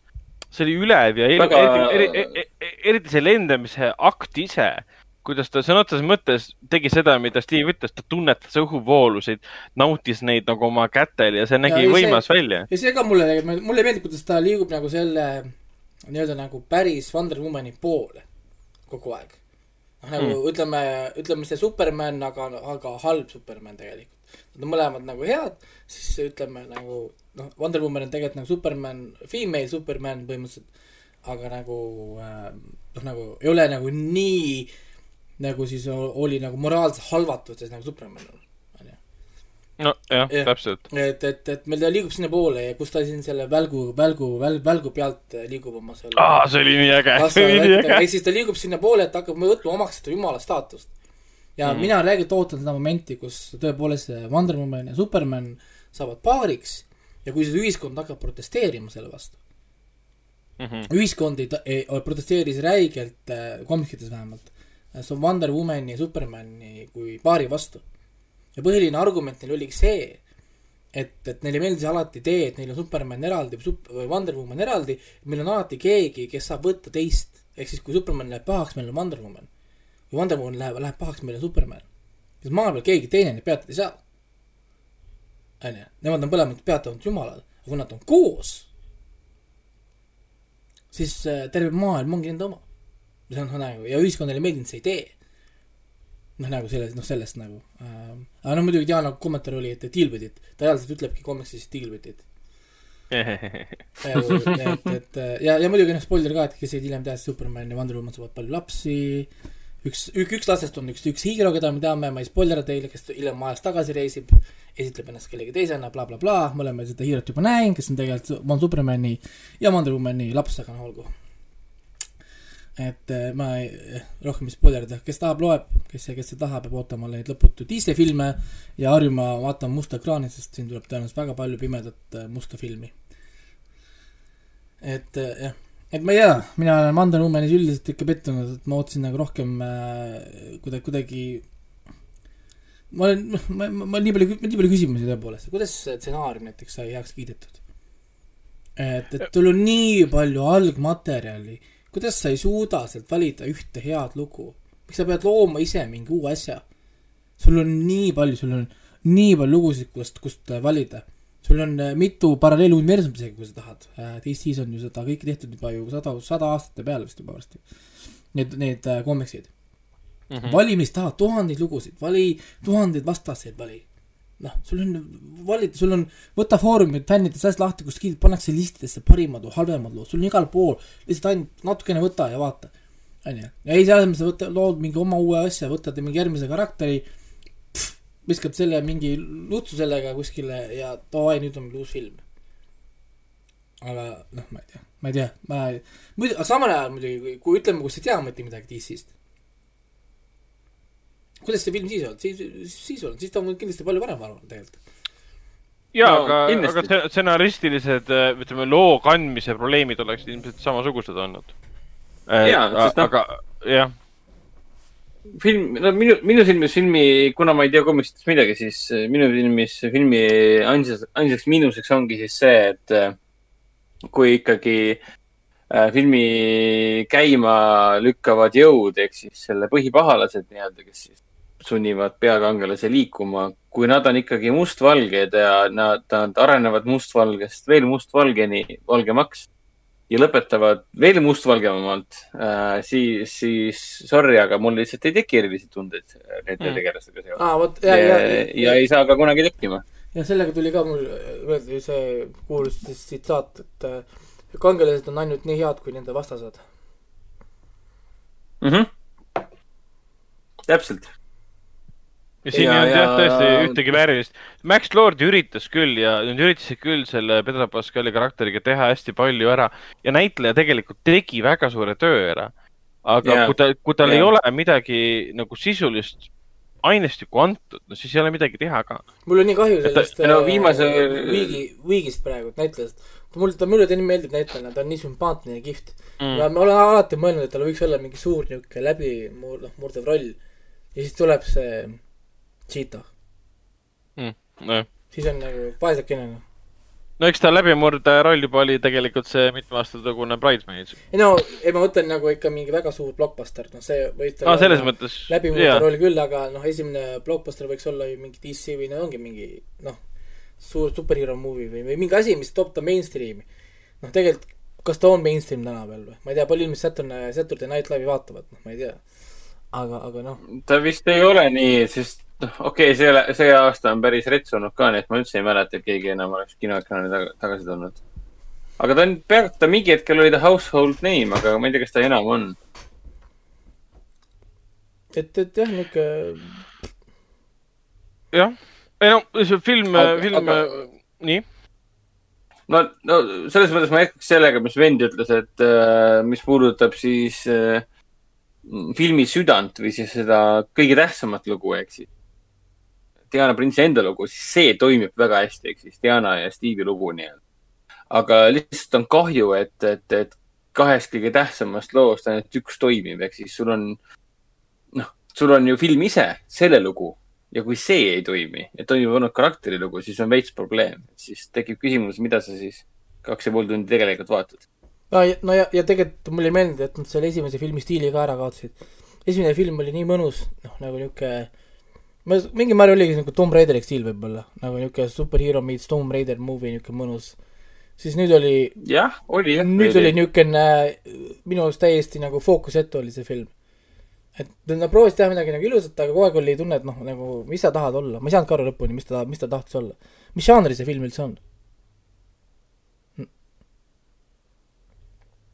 Koomiksid no ei no päriselt, nagu ma räägin, kui nii mõelda, siis äh, et, et see film lappas nii palju puha,. puhas draama, et see on puhas draama tegelikult. et see film lappas minu arust nagu nii palju, et mul oli pidevalt mõelda, on, on see märul või? ei ole vist märul või? on see seiklusfilm, ta pole seiklusfilm ka ju.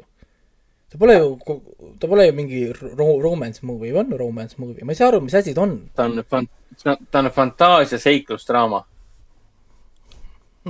märul ta, Jaa. fantaasia, Seiklust märul, oli, märul, märul, raamat märul oli, draama. Seiklust oli, draamat oli äh, ja, ja, ja, ja noh, sihukest korralikku superhero, superhero võitlust oli ka. aa, issand, ja, ja muidugi see, sorry, ma naersin jälle kinosaalis, kui lavastaja ainukene idee, kuidas näidata, et Barbara on nohik ja värki, on lasta tal kukutada kohvriga paberid maha. jah, ja, ja, hämmastav. ja, ja. mul oli nagu ma- oligi- ma olingi- ma oli, olingi- oli, täiesti crazy, ma olingi kinosaalis niimoodi, ma tegingi niimoodi. lihtsalt braavo, see, keegi istus mu kõrval ka, ma ei mäleta, ta vaatas ka minu poole, aga ma nägin seda noogutust, ehk siis kes iganes mu kõrval istus seal. ta oli minuga selgelt nõus, sest mul oli ka, et suur blockbuster ja sa tuled mulle mingi, ma ei tea, esimese kursuse mingisuguse kuradi braavo, lihtsalt nagu ainukene viis, kus noh, sorry, noh, ma ei tea. Seda on nii palju kasutatud, pole ühtegi filmi, kus seda ei ole kasutatud, et issand sellepärast mulle Kristjan Viigi tegelase lugu üldse korda ei läinudki, sest ma olen juba näinud neid asju. ja palju ja see on siuke tunne, et nagu täpselt kui see kohver lahti läks seal Smithsoniani, Smithsoniani, kohe tead, ja ei on, ja siis sa tead kohe, no siis, siis sa tead kohe selle karakteri story't ju. sa tead tema ju. ja, et kohe oli siuke tunne, et nagu jah, ma tean, et ta saab siis suureks kangelaseks ja no võimu, võimul ja mis iganes ja- no,, ja- aga samal ajal oli sild, ja siin, noh, kuuled. samal ajal oli, no ei, räägi. nii. ega lihtsalt samal ajal oli mul silme ees äh, Robin Williamsi see Jumanji meem, kus ta küsib, et mis aasta praegu on. No ongi, ma räägin, vaata, aasta, on kaks tuhat kakskümmend ja ma vaatan mingit nelikümmend aastat vana nalja. see oligi see kommentaar, et see film ei ole tehtud tuhat üheksasada kaheksakümmend neli. It's, it's, it's set in ja, ja täpselt. eighty four ja, ja, ja, ja noh, kuulajad lihtsalt äh, ütleme võrdluseks, kes ei saa aru, miks see nii loll või näide on, on see sama idee või ütleme, see on sama klišee, kui näidata, kui tark keegi on, lasta tal ekraani peal mängida malet ja võita kedagi. see on täpselt sama nagu ülekasutatud nagu abs-, absurdsuseni üle tehtud nagu, nagu motiiv, mis võiks tegelikult juba ära unu-, unustada nii-öelda. et, et täiesti nagu noh, no või nagu see, et, et jah, et, et a la karakter on, on, naistemees ja siis alg-, algab sellega, et üks naine on tal kohe seal, noh, ärkab hommikul üles suvalise naisega voodis ja siis läheb kohe kuskile uue naise juurde näiteks. ei, niisugused asjad, noh, väsitav. ja, jah, no see on see, kuidas öelda, laisk äh, nagu loo jutustamine, sa kasutad neid elemente, millega me oleme kõik juba tuttavad ja kursis. see peaks natukenegi nagu üritama. ühesõnaga kokkuvõttes film valmistas äh, meile pettumuse. esimene film oli parem. Aga sellel filmil on siiski, või noh, ütleme tegelikult niimoodi, et kuigi sellel filmil on siiski mitmed kohad, mis on imetlusväärsed. alates noh, filmi algusest, Diana Prince'i enda karakteri loost äh, kuni minu jaoks lendamise stseenini, mida aitas ülendada täielikult, siis nad kasutasid seal seda John Murphy loodud muusikat filmil, Danny Boyle'i filmile Sunshine. see on see On the surface of the sun oli selle Adagio in A minor lugu. Kaneda surm, Kanedas death. jah, see, kui Koneda sureb Sunshine'is, see on see põhilugu, mida John Murphy lõi selle Sunshine'i filmi jaoks. ja seda kasutatakse filmis ka, kui sa vaatad Wonder Womani teise osa soundtrack'i Spotify's või kuskil, seal seda lugu pole. Seda ei eksisteeri justkui. Hans Zimmer tegi muusika, märgitud. aga nad ilmselt said ise ka aru, et ma- ja ma arvan, et ma, ma tean, kuidas see juhtus, nad kasutasid tempmuusikana seda, sedasama muusikat ilmselt selle ajutise muusikana. ja ühel hetkel said aru, et nad ei oska sinna midagi muud asemele panna ja Hans Zimmer ka ei osanud enam ja panid selle loo sinna ja see töötas fantastiliselt. mis ongi nagu veider, sul on suur Hans Zimmer teeb selle soundtrack'i, suur-suur helilooja ja siis vahepeal mingi. tere, mina olen John Murphy, siin on minu legendaarne muusika kuradi kahekümne aastat tagasi, tuleb minevikust nagu. ja see oli tõesti hea selles mõttes. vot, aga ma arvan, et saamegi Wonder Womani teise osa siis lõpetatuks Oi. nüüd äh, ma lugeda teen. väikse korra, ma teeks väikse korrektuuri, sellepärast et äh, Sunshine tuli välja kaks, aastal kaks tuhat seitse, mitte, mitte mingi kaks tuhat ega midagi sellist. aga põhimõtteliselt võib öelda, et mitukümmend aastat tagasi. aa noh, sul, sul on nüüd kõik õige. ei, ei, põhimõtteliselt küll jah. vot, aga selle noodi pealt liigume edasi uudiste juurde.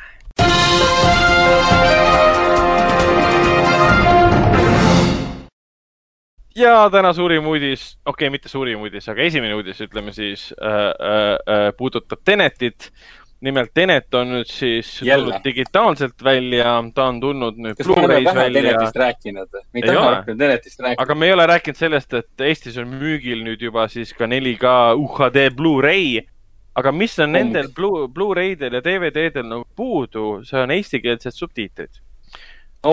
mis on väga huvitav, sest filmil eesti keeles olid eestikeelsed subtiitrid, aga ju siis kuidagi Warner Brothers, kes iganes Eestis seda DVD-d ja Blu-ray'd välja annab või siia seda siis äh, eksportis äh, või, või importis tähendab, siis äh, ei saanud ilmselt kokkuleppele.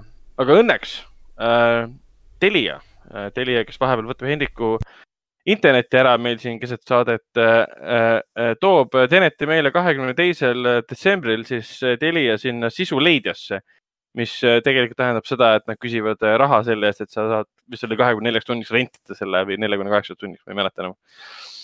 Ja seal on eestikeelsed subtiitrid olemas, sest see on loogiline, kui Telia näitab, siis peab olema.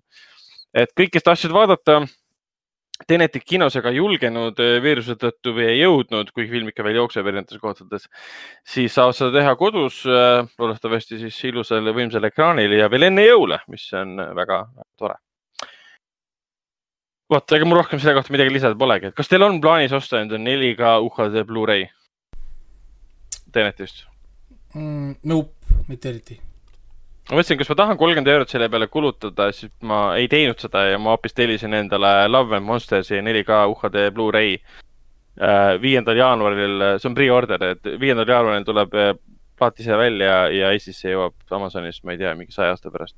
siis ma peaks, ma peaks laenama su käest, ma tahan näha seda filmi, ma pole näinud seda endiselt ja ma tahan seda näha väga hea film, see on, ma tahan teda meelega kodus uuesti vaadata ka, et see on tõesti, tõesti, tõesti, tõesti, tõesti hea film vot, aga, aga te siis, te siis ei osta Blu-raysid.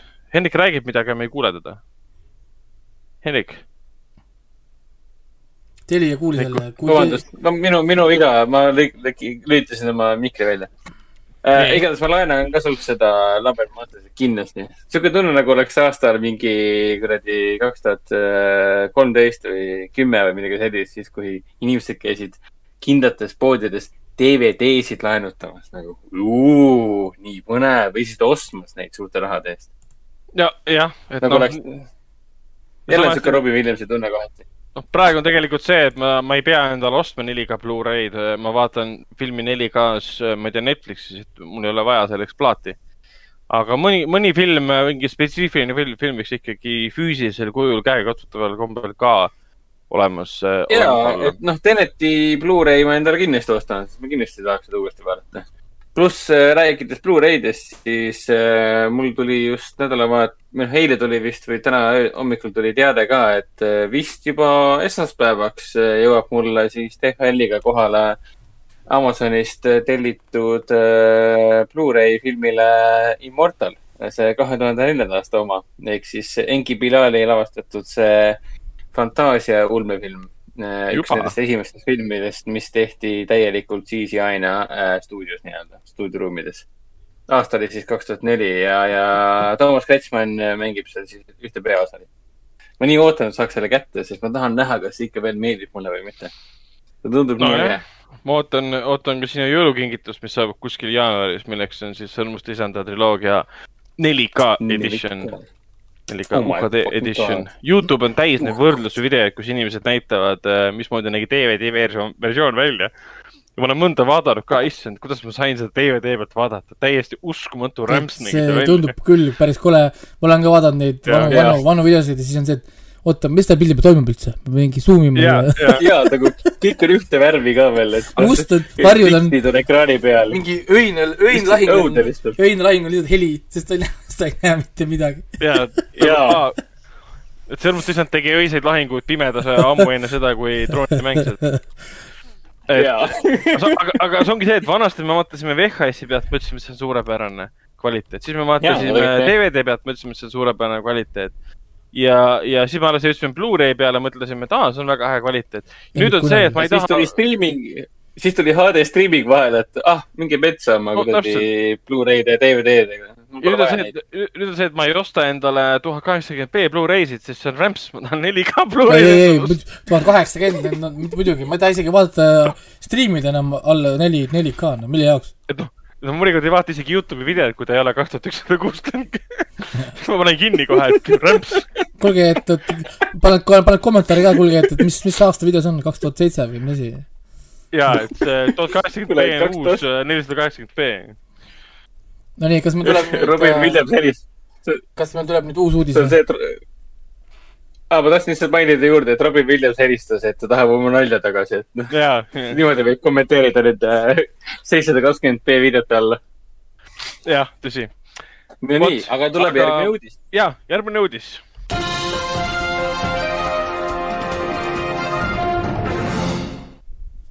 kuna The Book of uh, Book of Boba Fettist me juba rääkisime, siis uuesti seda kordama ei hakka. Aga mida me kindlasti tahame üle korrata, kui me just seda juba maininud ei ole, siis ma eksin ja mainin seda esimest korda, on tõsiasi, et kahe tuhandete alguses jooksma hakanud siis äh, Walker Texas Rangeri äh, seriaalist äh, Chuck Norrisega tuleb reboot. Ja, ja reboot'i reboot'i äh, peaosas on Jared Padalecki, keda me e- enamjaolt muidugi teame siis, mitte enamjaolt, et ainsana teame ilmselt äh, siis äh, Supernaturali teleseriaalist. viisteist aastat. viisteist aastat, tähendab äh, mitte kaks tuhat alguses, vaid üheksakümnendate alguses äh, sai alguse seriaal, et üheksakümmend kolm kuni kaks tuhat üks ta jooksis. kolmsada kaksteist episoodi vist oli või midagi sellist. midagi taolist ja ta on täiesti legendaarne seriaal, mina vaatasin seda lapsepõlves isaga koos, okei okay,, venna, venna, vend oli ka seal. kõiki ikka oli? episoode Kanal kahe pealt ja nautisime seda algus introt, kus Chuck Norris ise seda laulab. ootasime neid roundhouse kick'e, mis olid mingi imelikus motion blur, slow motion'is ja, tehtud ja. siis, ja siis äh, ema, ema alati kommenteeris, et aru ma ei saa, et kuidas need inimesed, need mehed peksavad üksteist näkku jalgadega ja kõik, kõik käib mingi kõuepüril ja kõik kohe kargavad püsti ja kaklevad edasi, mitte midagi pole juhtunud. mida te vaatate nagu? no, see oli, ema põhiline kommentaar. siiamaani on.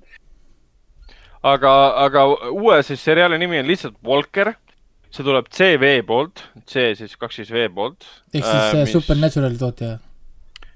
ja, Supernaturali tootja ja hakkab siis jooksma kahekümne esimesest jaanuarist. esialgu äh, episoodide arvu isegi pole antud. uut, ma vaatan, kiindab ees on.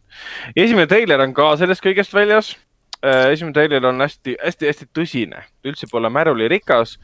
viitab seal siis äh, Walkeri äh, surnud naisele, kes ilmselt suri äh, kahtlastel asjaoludel ja viitab seal sellele, et Walker ise on hästi kuri ja, ja vihane, ei saa üle oma naise surmast.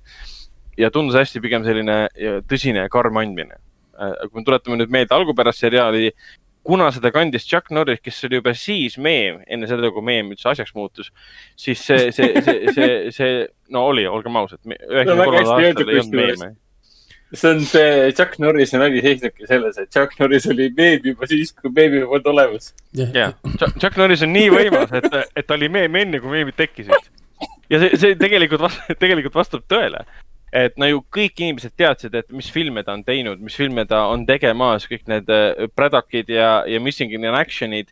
ta oli ju legendaarne või on legendaarne action kangelane peale Lone Wolf McQuaid. ja, ja see seriaal ainult nagu surus tema seda äh, kuulsust otsa, otsa, otsa, otsa. ja, ja ta oligi meelega kirjutatud siukse poolhumoorikana, ma mäletan seal tema seda mingi District Attorney, see blond oli tema see silmarõõm ja siis oli see CD, kes sai siis mingi kolm infarkti nelja hooaja jooksul, ma ei mäleta, palju ta kokku neid sai. see, kes töötas seal baaris kuskil ja siis tal oli see partner. kui ma vanasti mäletan selle partneri nime, enam ei mäleta oli küll üks jah, Ähm, see musta musta, mustanahaline oli või? ja Murdoch või, ei olnud Murdoch, Murdoch oli äh, väga ei mäleta mäleta seda nime enam jah, see oli küll üks jah, Vanasti- ta, tal oli mingi oma tiim oli seal ju, mingi kolm-neli inimest oli tal seal. kelle nimi? Trivetti mõtlete või? Trivet, Trivet, jaa, Trivet, täpselt. sul mis on. on praegu Triveti tegelase kohta on Murdoch või? ei, ma mõtlesin, et oli Murdoch, aga Murdoch oli hoopis, hoopis MacGyveris. MacGyveris. Juhan tuli appi praegult. jah, Johan tuli appi praegu, aitäh sulle, Johan. Juhan Aga- Teene eestlasest. ilm, ilmselgelt see Walkeri seriaal ei saa olla sama hea või parem, et see ei ole nagu küsimus. pigem on see, et kas, kas ta on seriaal, mille olemasolu on põhjendatud. kuule, kas sa seda treilerit vaatasid ka või? jah, see on päris halb, ma raputasin pead mingi viiskümmend korda selle ei no treileri jooksul. ma olen valmis veel äh, andust, et see, et see ei tule nüüd nii kohutav. et, et ta sealt võib midagi välja koorida. ta tundus liiga seebikas, seebikas mulle. ta tundus ikka nagu, nagu- nagu niisugune nutuseebikas, kus ta nutab ja, ja draamat ja värki. ja, ja ühtegi round, round house kick'i keegi ei saanud, et miks ma seda üldse vaatan siis. no eks, eks Walker Texas Ranger oli ise ka vaata väga mm, seebikas selle koha pealt. ma mäletan mingeid episoode, kus äh, Cordell, Cordell Walker seal siis mingi, ma ei tea, mingeid inimesi päästis ja, ja kõik olid aset jõuluõhtul ja vaatas taevasse ja palus Jumalat ja seal olid tähed igal pool Ja, ja, niisugune hel-, hel-, heldene muusika ja pluss siin oli see indiaanlaste teema oli ka sees, kes seal higitelgis oma sisse vaatamas või midagi laadset, et ja Cordell Volker oligi pooleldi mingi indiaanlane ei olnud või? oli küll, tal oli mingi, mingi teema mingi siuke sellega, teema. mingi vanemad asjad tal oli. tal on ka vist mingi üks kuueteistkümnendik on tal vist indiaani veri või midagi. Seal oli, oli küll mingi teema sellega, seda ma mäletan küll, et, et see indiaani motiiv oli tugev. mm. -hmm. oota, ma vaatan, Cordell Volker, kas tal on mingi põhitaust ah,? Vikipeedia leht on tal olemas, mis on hispaania keeles, nice, sellest hästi palju kasu. vot, aga ma arvan, et me võime edasi liikuda järgmise uudisega.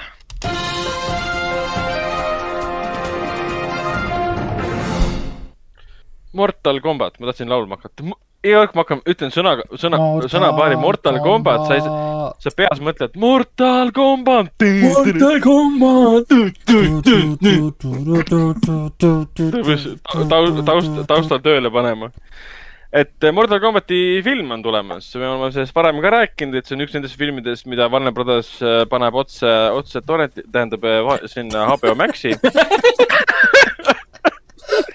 uue, uue aasta jooksul. ai, ai, kas ma, päris hea. see mulle meeldis. ai, Oi, ai, ai, ai, ai, ai, ai, oi ai., kas, kas ma ütlesin midagi valesti või? ei, kõik on õige. et ühesõnaga ta jõuab. ei no ongi, et ma räägin, et see on see koht, kus kõik need Eesti, Eesti filmigruppide fännid on sinuga väga nõus. ja, ja filmivaatlus on sinuga väga nõus. jah, et ilmselt pole nagu küsimus selles, kas nõus või mitte, et see on nagu fakt, et see, see nagu juhtub. et siin isegi erinevad äh, artiklid on nüüd sellest äh,, sellest nüüd rääkinud ka, et see on äh, pi- piraatide uus äh,, uus selline peatükk, selline, selline suur, suur samm on tulemas tänu sellele, mida Vanapatas teeb. aga miks me sellest räägime, ongi siis jah, et Mortal Combat äh, liikus siis, liikus siis kust ja kuhu. esialgu pidi ta 21 tulema välja siis äh, täpselt jaanuar, jah. jaanuaris, siis ta liikus märtsi, viiendasse märtsi ja siis ta oli hoopis kahekümne kuues veebruar. ja ei, ta, ta li- liikus edasi-tagasi jah, ta vahepeal viidi kaugemale, siis, siis toodi ta taha tagasi nii-öelda, kui äh, Warner Brothers lükkas mingid asjad eest ära, nad tõid Mortal Combatit nagu lähemale korraks uuesti mm. -hmm. Ja siis oligi see, kus äh, kadus see kuupäev äkki ära, cancel dati nagu ära ja siis paar päeva peale seda, kui kuupäev kadus ära, tuli see uudis, et HBO Max paneb nüüd kõik äh, nii-öelda nagu Maxi ja siis mm. -hmm. jäigi ootama nüüd, millal see lõplik siis reliis on lõpuks lõplik on siis USA aja järgi on siis kuueteistkümnes aprill. jah, mis tähendab meie jaoks seda, et kuueteistkümnendal aprillil jõuab ta siis ka HBO Maxi. Aga ilmselt no Raiko, Raiko ja- on see, kes seda filmi kõige rohkem ootab. jaa, kindlasti, ma tahan äh,, meil on juba omal äh, niisugune kaklus, kaklusmängude chatis on meil petid, et kui halb see on. et, et äh, mitte ükski meist ei arva, et see on hea film. me oleme kõik üheksakümmend viis protsenti vähemalt kindlad, et see on äh, totaalne saast. kuid Mortal Combat äh,, see Armageddon või see äh,, mitte, mis see oli see teine? Issand Annihilation. Annihilation oli nii jura, et kas ta saab olla hullem kui see ja küsimus ongi selles. noh, samas äh, Mortal Combati äh, näitlejate hulgas on siuksed tuntud nimed nagu. täpselt, Ähm, täpselt, Tadanobu Asano ja Hiroyuki Sanada. et ainukene, ainukene hea, läänest pärit. ainukene hea uudis, mis siin on, on see, et koreograafid on Reidi omad. aa, Raidi, The Raidi aa jaa, äh, üks, üks, filmiseeria üks omad, jaa. Treidi näitleja on ka siin tegelikult täitsa olemas, ma ei On, mäleta jah?, Joe Dustin vist ongi, Indoneesia. ja, ja, ja tema on ka olemas, ta, ta mängib Saab Zero't. ehk siis see on nagu meie see valguskiir praegu siin pimedas. onju, et, et äh, oota meie,, Hiroyuki Sanada mängib ka. tema mängib Scorpionit, aga tal ei ole tal, tal ei ole ma mingit mingit pistmist. Tal ei ole nagu ta võib olla küll tuntud näitleja, aga tal ei ole, teil ei ole tegelikult pistmist olnud ju kunagi võitlusfilmidega. no no siis jaa, seda küll, aga lihtsalt päris äge, et need kaks kõige, no vähemalt minu jaoks kaks, kaks kõige tuntumat Jaapani näitlejat mängivad siin uues, uues filmis. tundub, et nad on päris korraliku casting'u teinud, mis puudutab erinevaid rasse. kuule, see on päris kõige, kõige esimene, esimene uudis kunagi, ütleme üks, üks esimene uudis filmi kohta kunagi oli see, et Tony Yen hakkab mängima Kung Laod, mis olid, oli, oli äh, Boner äh, värk kohe kõikidel fännidele, sest see oli see ide-, ideaalne casting. ideaalne casting oleks olnud. ja teda muidugi enam ei osalegi. ja, ja ja siis tuli mingi uudis, et tal oli mingi, mingi muu film või mingi muu projekt, ta üt- ütles ära. ja, ja sealt edasi hakkasid tulema ainult äh, uudised, mida me tegelikult keegi ei tahtnud ja, ja näitajad läinud nii, nagu me tahtsime. aga noh, see ei tähenda muidugi, et nad ei või üllatada, sest ma räägin, et, et inimesed seal taga nagu noh, koreograafid ja muud tegelinskid on ju head. noh, no ma, ma loodan, aga mulle tundub, et see on lihtsalt selline lollide lohutus praegu siin, et no ja, ja, ja võib-olla lohutab veel see, et filmi üks produtsent on James Wan äh,. Ehk jah, see on- siis äh, Aquaman, Final äh,, Final Fantasy. Fast ja and Furious äh, seitse ja siis kõik need Conjuring filmid. Ja ma vaatan, et muusika teeb Benjamin äh, Wolfish, kes siin säras mm -hmm. Blade Runner kahe tuhande neljakümne üheksaga, kus ta siis äh, koos Hans Zimmeriga tegi muusika. ta tegi Aa. ka IT filmidele muusika, mõlemale. jaa, täpselt, mis oli äh, creepy. aga selge pilt, kas äh, liigume edasi? liigume edasi.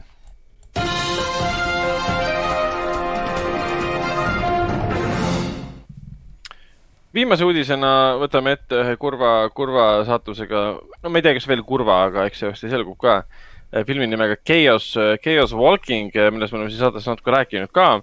see on tohutu suur blockbuster film, üle saja miljoni suuruse eelarvega, peaosades Daisy Ridley Star Warsist ja Tom Holland siin äh, kõikides nendes Marveli filmidest. film ise. lihtsam oleks, lihtsam oleks lihtsalt öelda Tom Holland ja, ja Daisy Ridley Disney filmidest. jah, okei okay,, jah, täpselt. Chaos Walking, mis ta eestikeelne pealkiri ametlikult oli? kaose planeet. kaose planeet, see pidi, pidi, pidi tulema juba tegelikult kahe tuhande kaheksateistkümnendal aastal välja. aga, sest võtted said tal läbi kaks tuhat seitseteist ja siis ta on julmalt, julmalt, julmalt edasi lükatud, siis tuli peale koroona ja lükati veel. ja nüüd ta pidi vahepeal tulema meil äh, juba siin äh,. issand jumal, aasta alguses pidi välja tulema ja siis lükati hoopis Jah, nüüd jaanuaris., täpselt jaanuaris pidi välja tulema see on nende Dump, Dump, Dump Cool pidi välja tulema ja siis lüka- lükati nüüd hoopis äh, viienda märtsi peale ja põhjuseks seekord ei ole see, et nad filmi ümber, ümber kirjutavad, ümber lavastavad, ümber filmivad, vaid ikkagi koroona, koroonaviirus. aga lõpuks on nagu imelik jah see, et kui see film lõpuks välja tuleb, et saab näha, kas ta on päriselt ka hea. sest ta on niivõrd kaua juba töös olnud, nagu ta on kolm aastat vana, kolm aastat tagasi lõppesid esma, esmased võtted. Ja nad tegid hiljem nagu reshoot'e ja tal on tegelikult hea režissöör, Doug Lyman ehk siis Borni identiteet, Mr. ja Mrs Smith, Age of Tomorrow, American Made ka Tom Cruise'iga tegelikult ja Age of Tomorrow oli ka siis äh, Tom Cruise'iga. ja plott või see esimesed treilerid, mis nüüd välja tulid, tunduvad ka väga-väga huvitavad tegelikult, et sul on mingi selline düstoopiline tulevikunägemus planeet Maas, kus kõik naised on surnud ja kõik mehed on alles ja aga kõikide meeste mõtted on visualiseeritud ja kuuldavad. ehk siis ükski mõte, mis neil peas on, ükski lause, mida inimesed omaenda peas ütlevad, on kõikidele teistele kuuldavad. ehk siis pole olemas vaikset hetke, kui inimene vähegi mõtleb, siis need tekstid on kuuldavad ähm,. huvitaks võib-olla muude peast see, et nad saavad visualiseerida neid, ehk siis kui nad mõtlevad näiteks äh, seal treileris oli näha ka, et mõtleb mao peale, siis sellest mõttepilvest, mis on visuaalselt näha, siis tulebki madu välja ja nagu ründab justkui seda teist inimest noh, see oli. visualiseerimine. see oli treileris nagu näha ka. kohe arugi. ja Daisy Ridley siis mängib seal naist, kes kukub alla kuskilt kosmoselaevast, satub sinna planeedile ja tema mõtteid ei saa keegi lugeda. ta on ainuke, ainuke naine sellel planeedil ja miskipärast hakatakse teda taga ajama, üks tagaajatest on muidugi Maats Mikkelsen, kes siin hiljuti võeti Johnny Deppi asemel siis järgmises ähm, Fantastic Beasts filmi mängima Kellert Grindelwaldi. et nagu kõik head asjad on olemas selles filmis, Demian Bashir mängib Cynthia Erivo ja isegi Nick Jonas, kes on, tuleb välja päris hea näitleja. aga film ise jah, on, on. ja teine asi ka see, et äh, filmi selle raamatu autor on ju Patrick Ness, kes on siis sama mees, kes aitas lõpuni kirjutada Kui koletis kutsub seeria mm,. mm.. mitte seeria, vaid raamatu, millest tehti ka siis film A Mo- A Monster Calls. et selle Monster Calls'i autor Siobian, Siobian Taud, tema kahjuks lahkus meie seast ja, ja siis Patrick Ness kirjutas selle lõpuni. mina lugesin A Monster Calls'i läbi, olin väga vaimustuses, vaatasin ka filmi ära, jäin ka enam-vähem rahule. Ja kui ma kuulsin, et tema sellest äh, Kaose planeedi või siis Chaos Walking triloogiast tehakse filmi, siis, siis ma mõtlesin, et äkki ma peaks ka endale selle raamatu ostma ja Eestis vähemalt Rahvaraamatus on see täitsa müügil. see Chaos Walkingu esimese osa seeria või noh, esi, triloogia esimese osa nimi on siis The, The Knife of Never, Never Letting Go, et ma eeldan, et see film ise põhineb siis just nimelt sellel romaanil. Äh, kui nad just ei võtnud kätte ja hakanud siin kombineerima erinevad mõtted kõikidest kolmest osast ja mida, iganes veel mm. -hmm. et mulle tundub, et ma äkki jõuan selle raamatu läbi lugeda, aga samas mul on tüün ikka veel pooleli, et nii, et mind, mind ei tasu üldse usaldada. no tüüni film hakkas no, ka palju... ju edasi ja ma isegi ei tea, kuhu ta jõudis. kuhu, kuhu ta nüüd lõpuks jõudis, kas ta läks kuskile sinna suvest? ta pidi, pidi, ta pidi juba detsembris-jaanuaris välja tulema ja nüüd ta lükati, mina äh,. ta on oktoobris, ta läks ah, oktoober. ei, ta on oktoobris, ta võttis selle Robert Pattinsoni Batman'i koha. aa, mis hakkab liikuma kindlasti. Every, everything is fucked nii-öelda, see on juba ära liikunud. Batman linastub aastal kaks tuhat kakskümmend kaks, mitte järgmisel aastal. ah, õigus, õigus. ja, ja, ja ma räägin, kõik on perses kõik on suht, suht halb jah, ja, ja, ja. jah, kõik on, kõik on paha, mis siin elus on. noh, mitte nii hull. aga no, jah, seda küll. Sellega saamegi, vabandust, uudised lõppenuks lugeda ja liigume edasi siis uue nädala filmi ja seriaali soovitustega. milleks antud juhul on kui me räägime siin kahekümne viiendast detsembrist, mis on veel siis püha ja vaba päev, siis Foorum Cinemas kinodes alustab juba siis saate alguses räägitus, esimeses pooles tähendab mainitud Hingega. Äh, Disney Pixari uuest filmist siis Soul ja, ja samal ajal tuleb siis Vene dramaatiline kuidas nüüd öelda, põnevus looduskatastroofi film Tulemeri, kus siis tuletõrjujad võitlevad siis metsa äh, tulekahjudega mm. -hmm. tundub ja... nagu vene versioon uh, Only. Brave'ist. ainult vaid, vaid vapratele. Ma, siis ma ei julge küll vaatama minna, ma ei suuda seda veel üle elada. vaatan filmi, elan kaasa, siis kõik lõpus surevad ära. Spoiler. nii äh aga, aga veel on tulemas siis Foorum Cinemas kinos on siis kinoklassika raames äh, saab detsembris äh, kõikidel kolmapäevadel näha siis äh, Pinget, Michael Manni filmi ehk siis Heat. ja siis, siis Artises meil jätkub, meil jätkub ema teema. Ema teema on päris hea, sest kui me tuletame meelde veebruarit või jaanuarit, siis kui ma alustasin Artises, seal juba siis oli film nimega mm, Ema see Pablo, jah ja. ja., Pablo Larraini film, äh, mis oli tantsufilm ja seal antud oli teistmoodi, et äh, see peategelase nimi oli ema. Äh, sellepärast, et see oli, mis ta oli, Tšiili film. Ja siis meil nüüd kaheksateistkümnendal detsembril alustas film nimega Ema, mis on Hispaania ja Prantsuse film. Ja nüüd siis, nüüd siis kahekümne viiendal detsembril alustab Helista emale Äh, mis on siis äh, Rootsi film, äh, Rootsi komöödia kolmekümne viie aastasest Nickist, kes peab aru saama, et ta peaks oma eluga edasi liikuma, sest ta on jäänud sinna, sinna vanusesse, kus ta, kus ta kunagi oli, ütleme kahekümnendate lõpus ja saab aru, et ta ei saa olla enam selles punktis, kus ta on.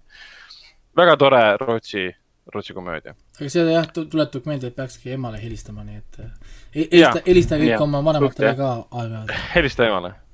ja kui see film sind emale helistama ei pane, siis, siis, siis mul on sinust kahju.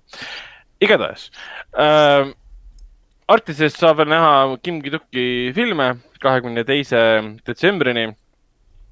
pean muidugi hoiatama, et enamus, enamustes filmides ostetakse väga korralikult ette praegu pileteid et see saade ilmub nüüd pühapäeval, kahekümnendal ja tänase seisuga, milleks on siis üheksateistkümnes, on äh, siis äh, äh, kevad, suvi, sügis, talv ja taas kevad. seanss Kim Ki-duki üks kuulsamaid filme, mis on siis kahekümnendal detsembril tema, ole, oleks olnud tema siis kuuekümnes sünnipäev äh,. Äh, see on välja müüdud põhimõtteliselt, et see neli esimest kohta on vaba ainult talle. Äh, mistõttu me tegime kahekümne seitsmendal detsembril lisaseansi et miks, miks seanss ise on eriline, on sellepärast me näitame seda filmi lindi pealt, mis on vana filmi lindi pealt, aga sellel on eestikeelsed ja venekeelsed subtiitrid küljes, et selle koha pole, pole probleemi. aga jah, soovitame tulla, üheksa, üheksa filmi ja siis äh, üks, üks lisaseanss. et äh, kui, kui midagi muud võib-olla ei tõmba kinodes, siis äh, Kim Ki-duki varajane, liiga varajane lahkumine on see, mis äh, pani, pani inimesed kinode poole liikuma. ja võib-olla tekitas mulje, et kuule, kuule, kinod ei ole kinni. mis asja, kinod on lahti kogu aeg olnud, miks, miks te magate kuskil kodus? miks te vaatate kodus mingit filmi, minge kinno. kinos on turvaline, soe ja tore, keegi ei istu su kõrval.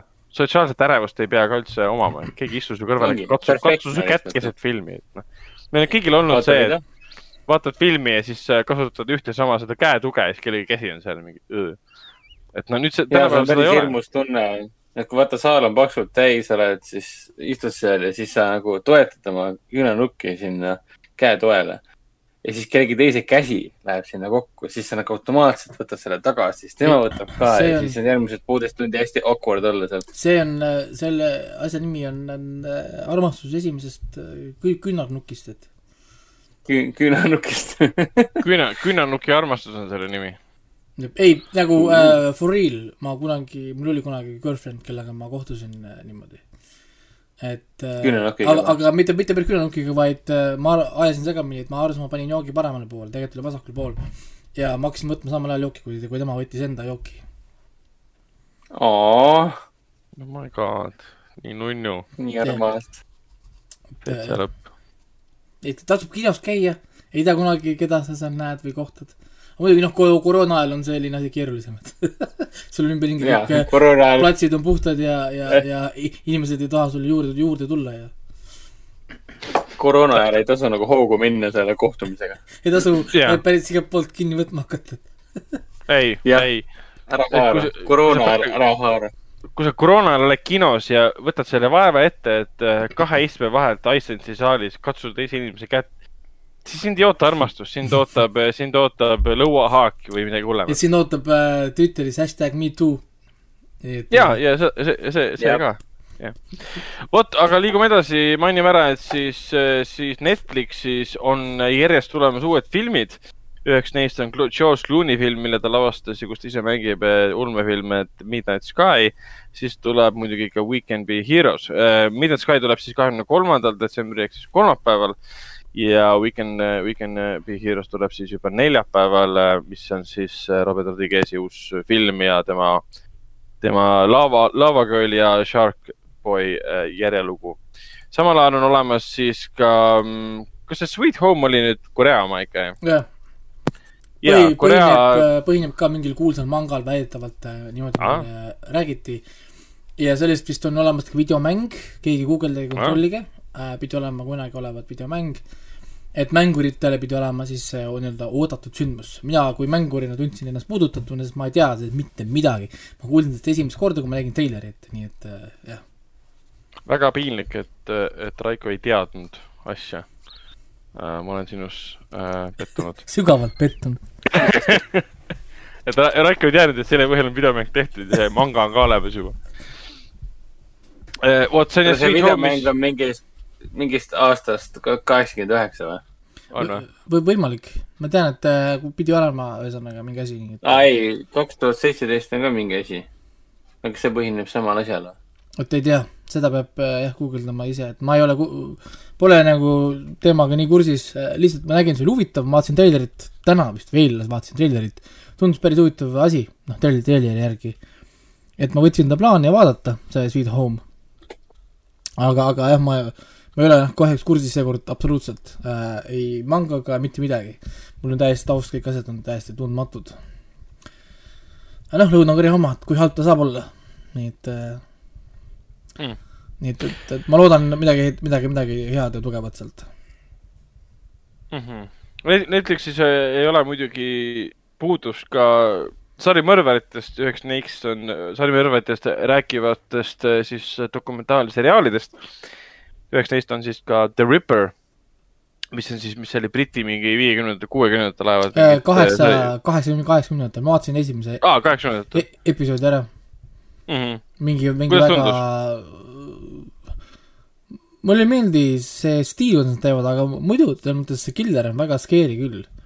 tal on, On, ikka Ei. vastikult äh, niisugune ebamugav atmosfäär ja ma hakkasin ka mõtlema, ma ei kujuta ette, kui ise peaks olema linnas või ütleme siis kogukonnas, kus niimoodi mingi vend käib ringi ähm,. päris kas vastik seal, kas seal mitte ei olnud äh, see, et ta käitus nagu see Rapi ja Jacki tappis ainult jaa äh,, ei no selleni nad pole tegelikult jõudnud, sest nad ei teadnud, et need naised on prostituudid ah,. ala okei. noh, näiteks ala nelja lapse ema, kes ka tapeti tema põhimõtteliselt koduõues ära ja niisugused asjad. mm -hmm. no selleni tegelikult nad vaikselt vihjavad, aga nad vähemalt esimese episoodiga nad nii kaugele ei jõua, nad hakkavad vihjama selle peale, politsei hakkas võib-olla arvama, et see nii on, Mm -hmm. sest noh, need ei olnud nagu nagu, nagu nagu obvious äh, noh, need prostituudid. aga, aga, aga jah, ma ei tea, ma kolm osa on veel vaatamata ja ma ei tea, kas ma vaatan lõpuni või mitte. aga, aga, aga ühe, ühe ma vaatasin ära, nii et selles mõttes äh, mul ei olnud seda kirjas millegipärast ka. Mhm. okei, aga siis mainiks ära, et Netflixi jõudis Ma Rainis äh,, Ma Rainis Black Bottom, mis on siis Chadwick Bosemani viimaseks jäänud film. Chadwick Boseman äh, lahkus meie hulgast äh, sel aastal, mis, mis, mis tüüpi vähk see nüüd oli, ega see polegi nagu oluline tegelikult, ta suri vähki. ja see on ametlikult tähistatud viimane film, Netflixi oma, koos siis Viola Davisega Eh, film ise põhineb siis August Wilsoni eh, näidendil, samanimelisel näidendil. August Wilson on sama mees, kes kirjutas ka Fences nimelise näidendi, millest siis eh, Denzel Washington paar aastat tagasi tegi päris, päris tugeva filmi. no päris, päris tugev, väga hea see oli film. korralik o- Oscar, Oscar Bate film oli. ja, ja seal oli ka Viola Davis, kui ma nüüd ei eksi. kui ma eksin, siis ma, siis ma, siis ma näitab mind üsna halvas, halvas alguses. igatahes äh,, Marinist Black Bottomit on siin mina isiklikult pole seda veel vaadanud, aga on juba taevani kiidetud nii Davisi kui ka siis Bosemani äh, näitleja tööde poolest, et äh, mis ainult lisab ju kurbust juurde selle koha peale, et äh, Boseman oli tegelikult äge näitleja ja kahju, et ta meie hulgast äh, lahkus. lisaks on olemas Netflixis Alice in Borderland, millest äh, rääkis äh, meile ka juba Raiko ja kiitis. räägime Teliast, Telia HBO-s on üks asi on veel, number üks praegu Eestis on ju Tiny Little Things või see äh, paleti oma, mul abikaasa vaatas selle kõik ära, ma olen poole peal, pole seda kirjas, ma pean asju kirja hakkama panema, kurat küll ähm,. See on see, kus kohas siis äh, noor tüdruk nii-öelda nagu vaesest regi- regioonist, mida noh, ma ei tea, linnaosast, võetakse kuulsasse balletikooli.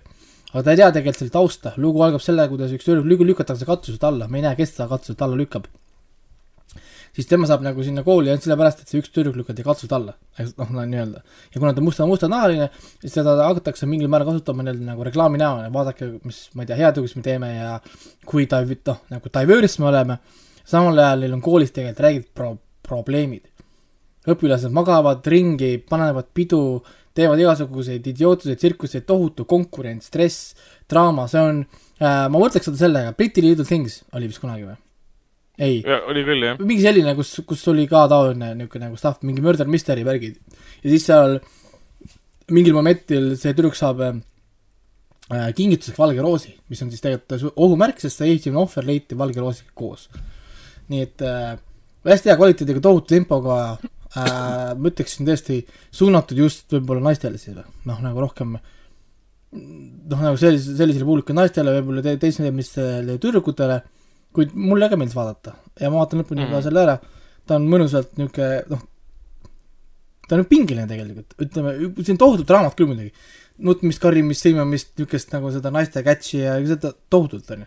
aga, aga see on kõik nagu väga hästi läheb kokku, nii et, et ja ta number üks ka Eestis olnud juba mingi vist kaks päeva või kolm päeva äh,. Läks Queen's ei- mööda, nii et äh, visake pilk pealt. okei, okei, teda, teen seda kindlasti.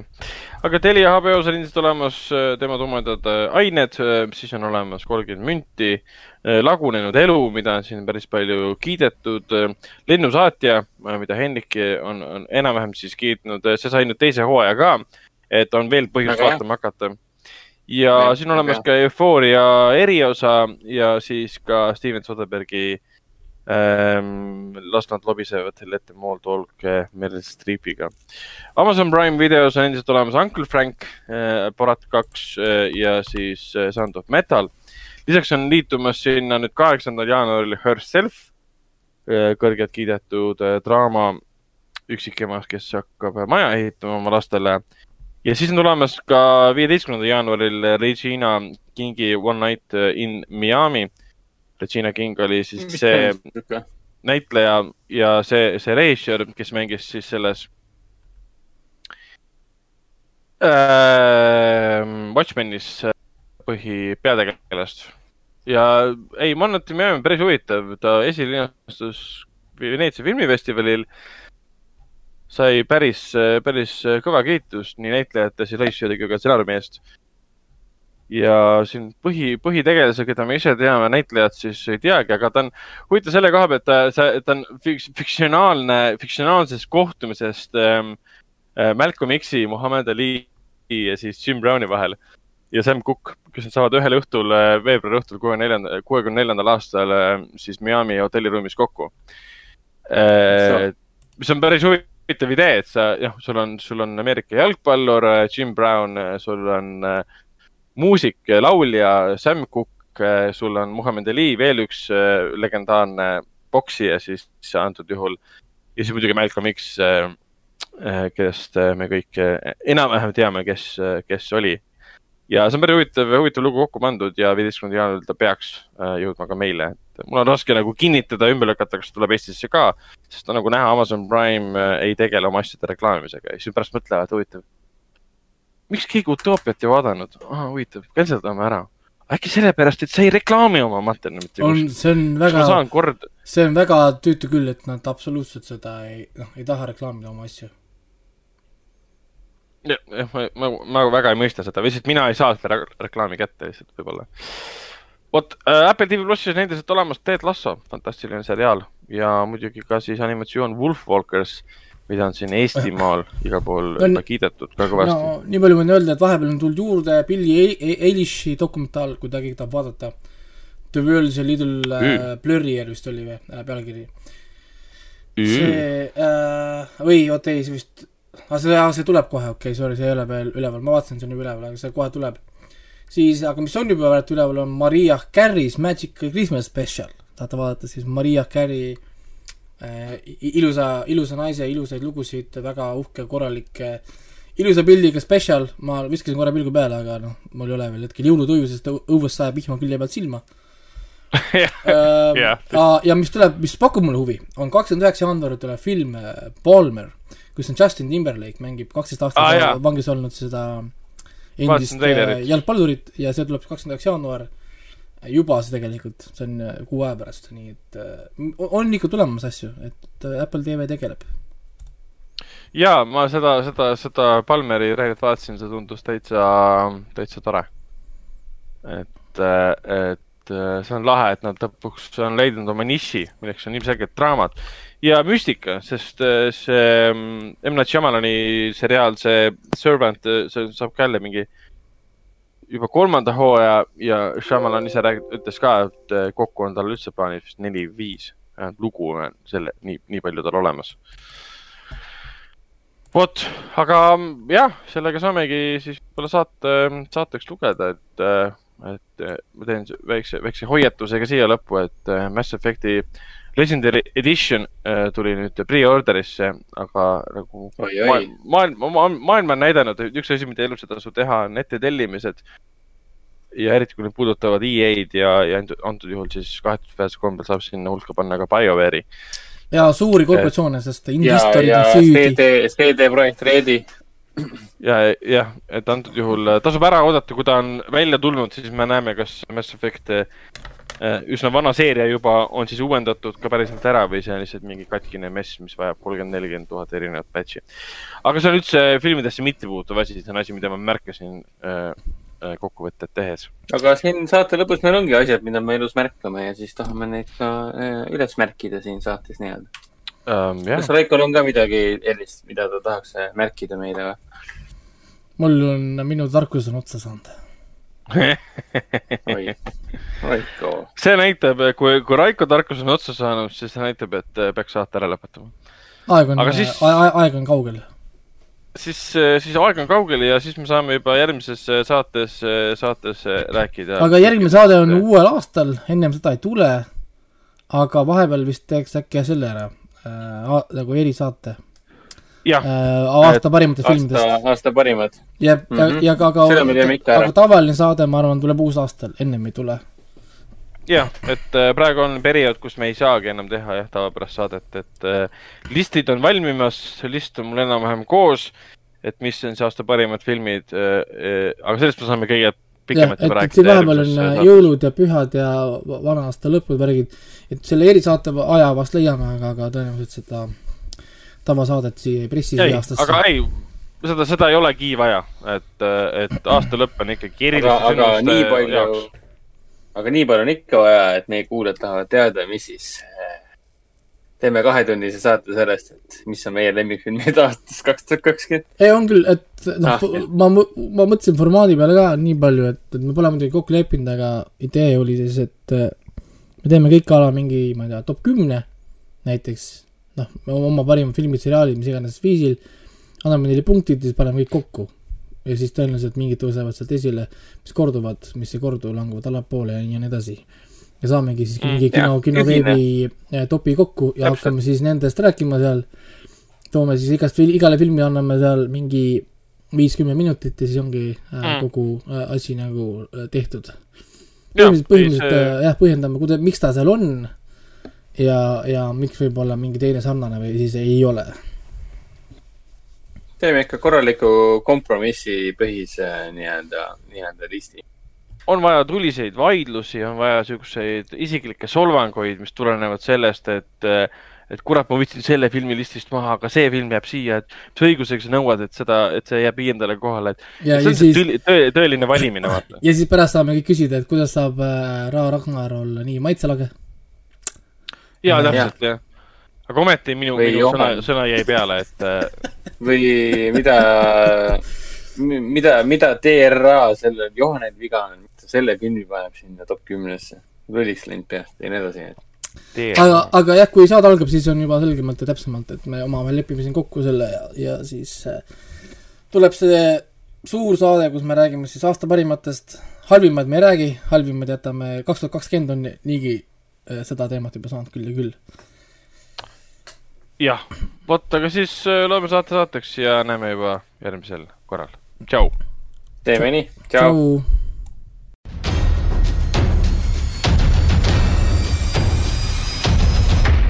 Kinoveebi Jututuba podcasti toob teieni Foorum Cinemas.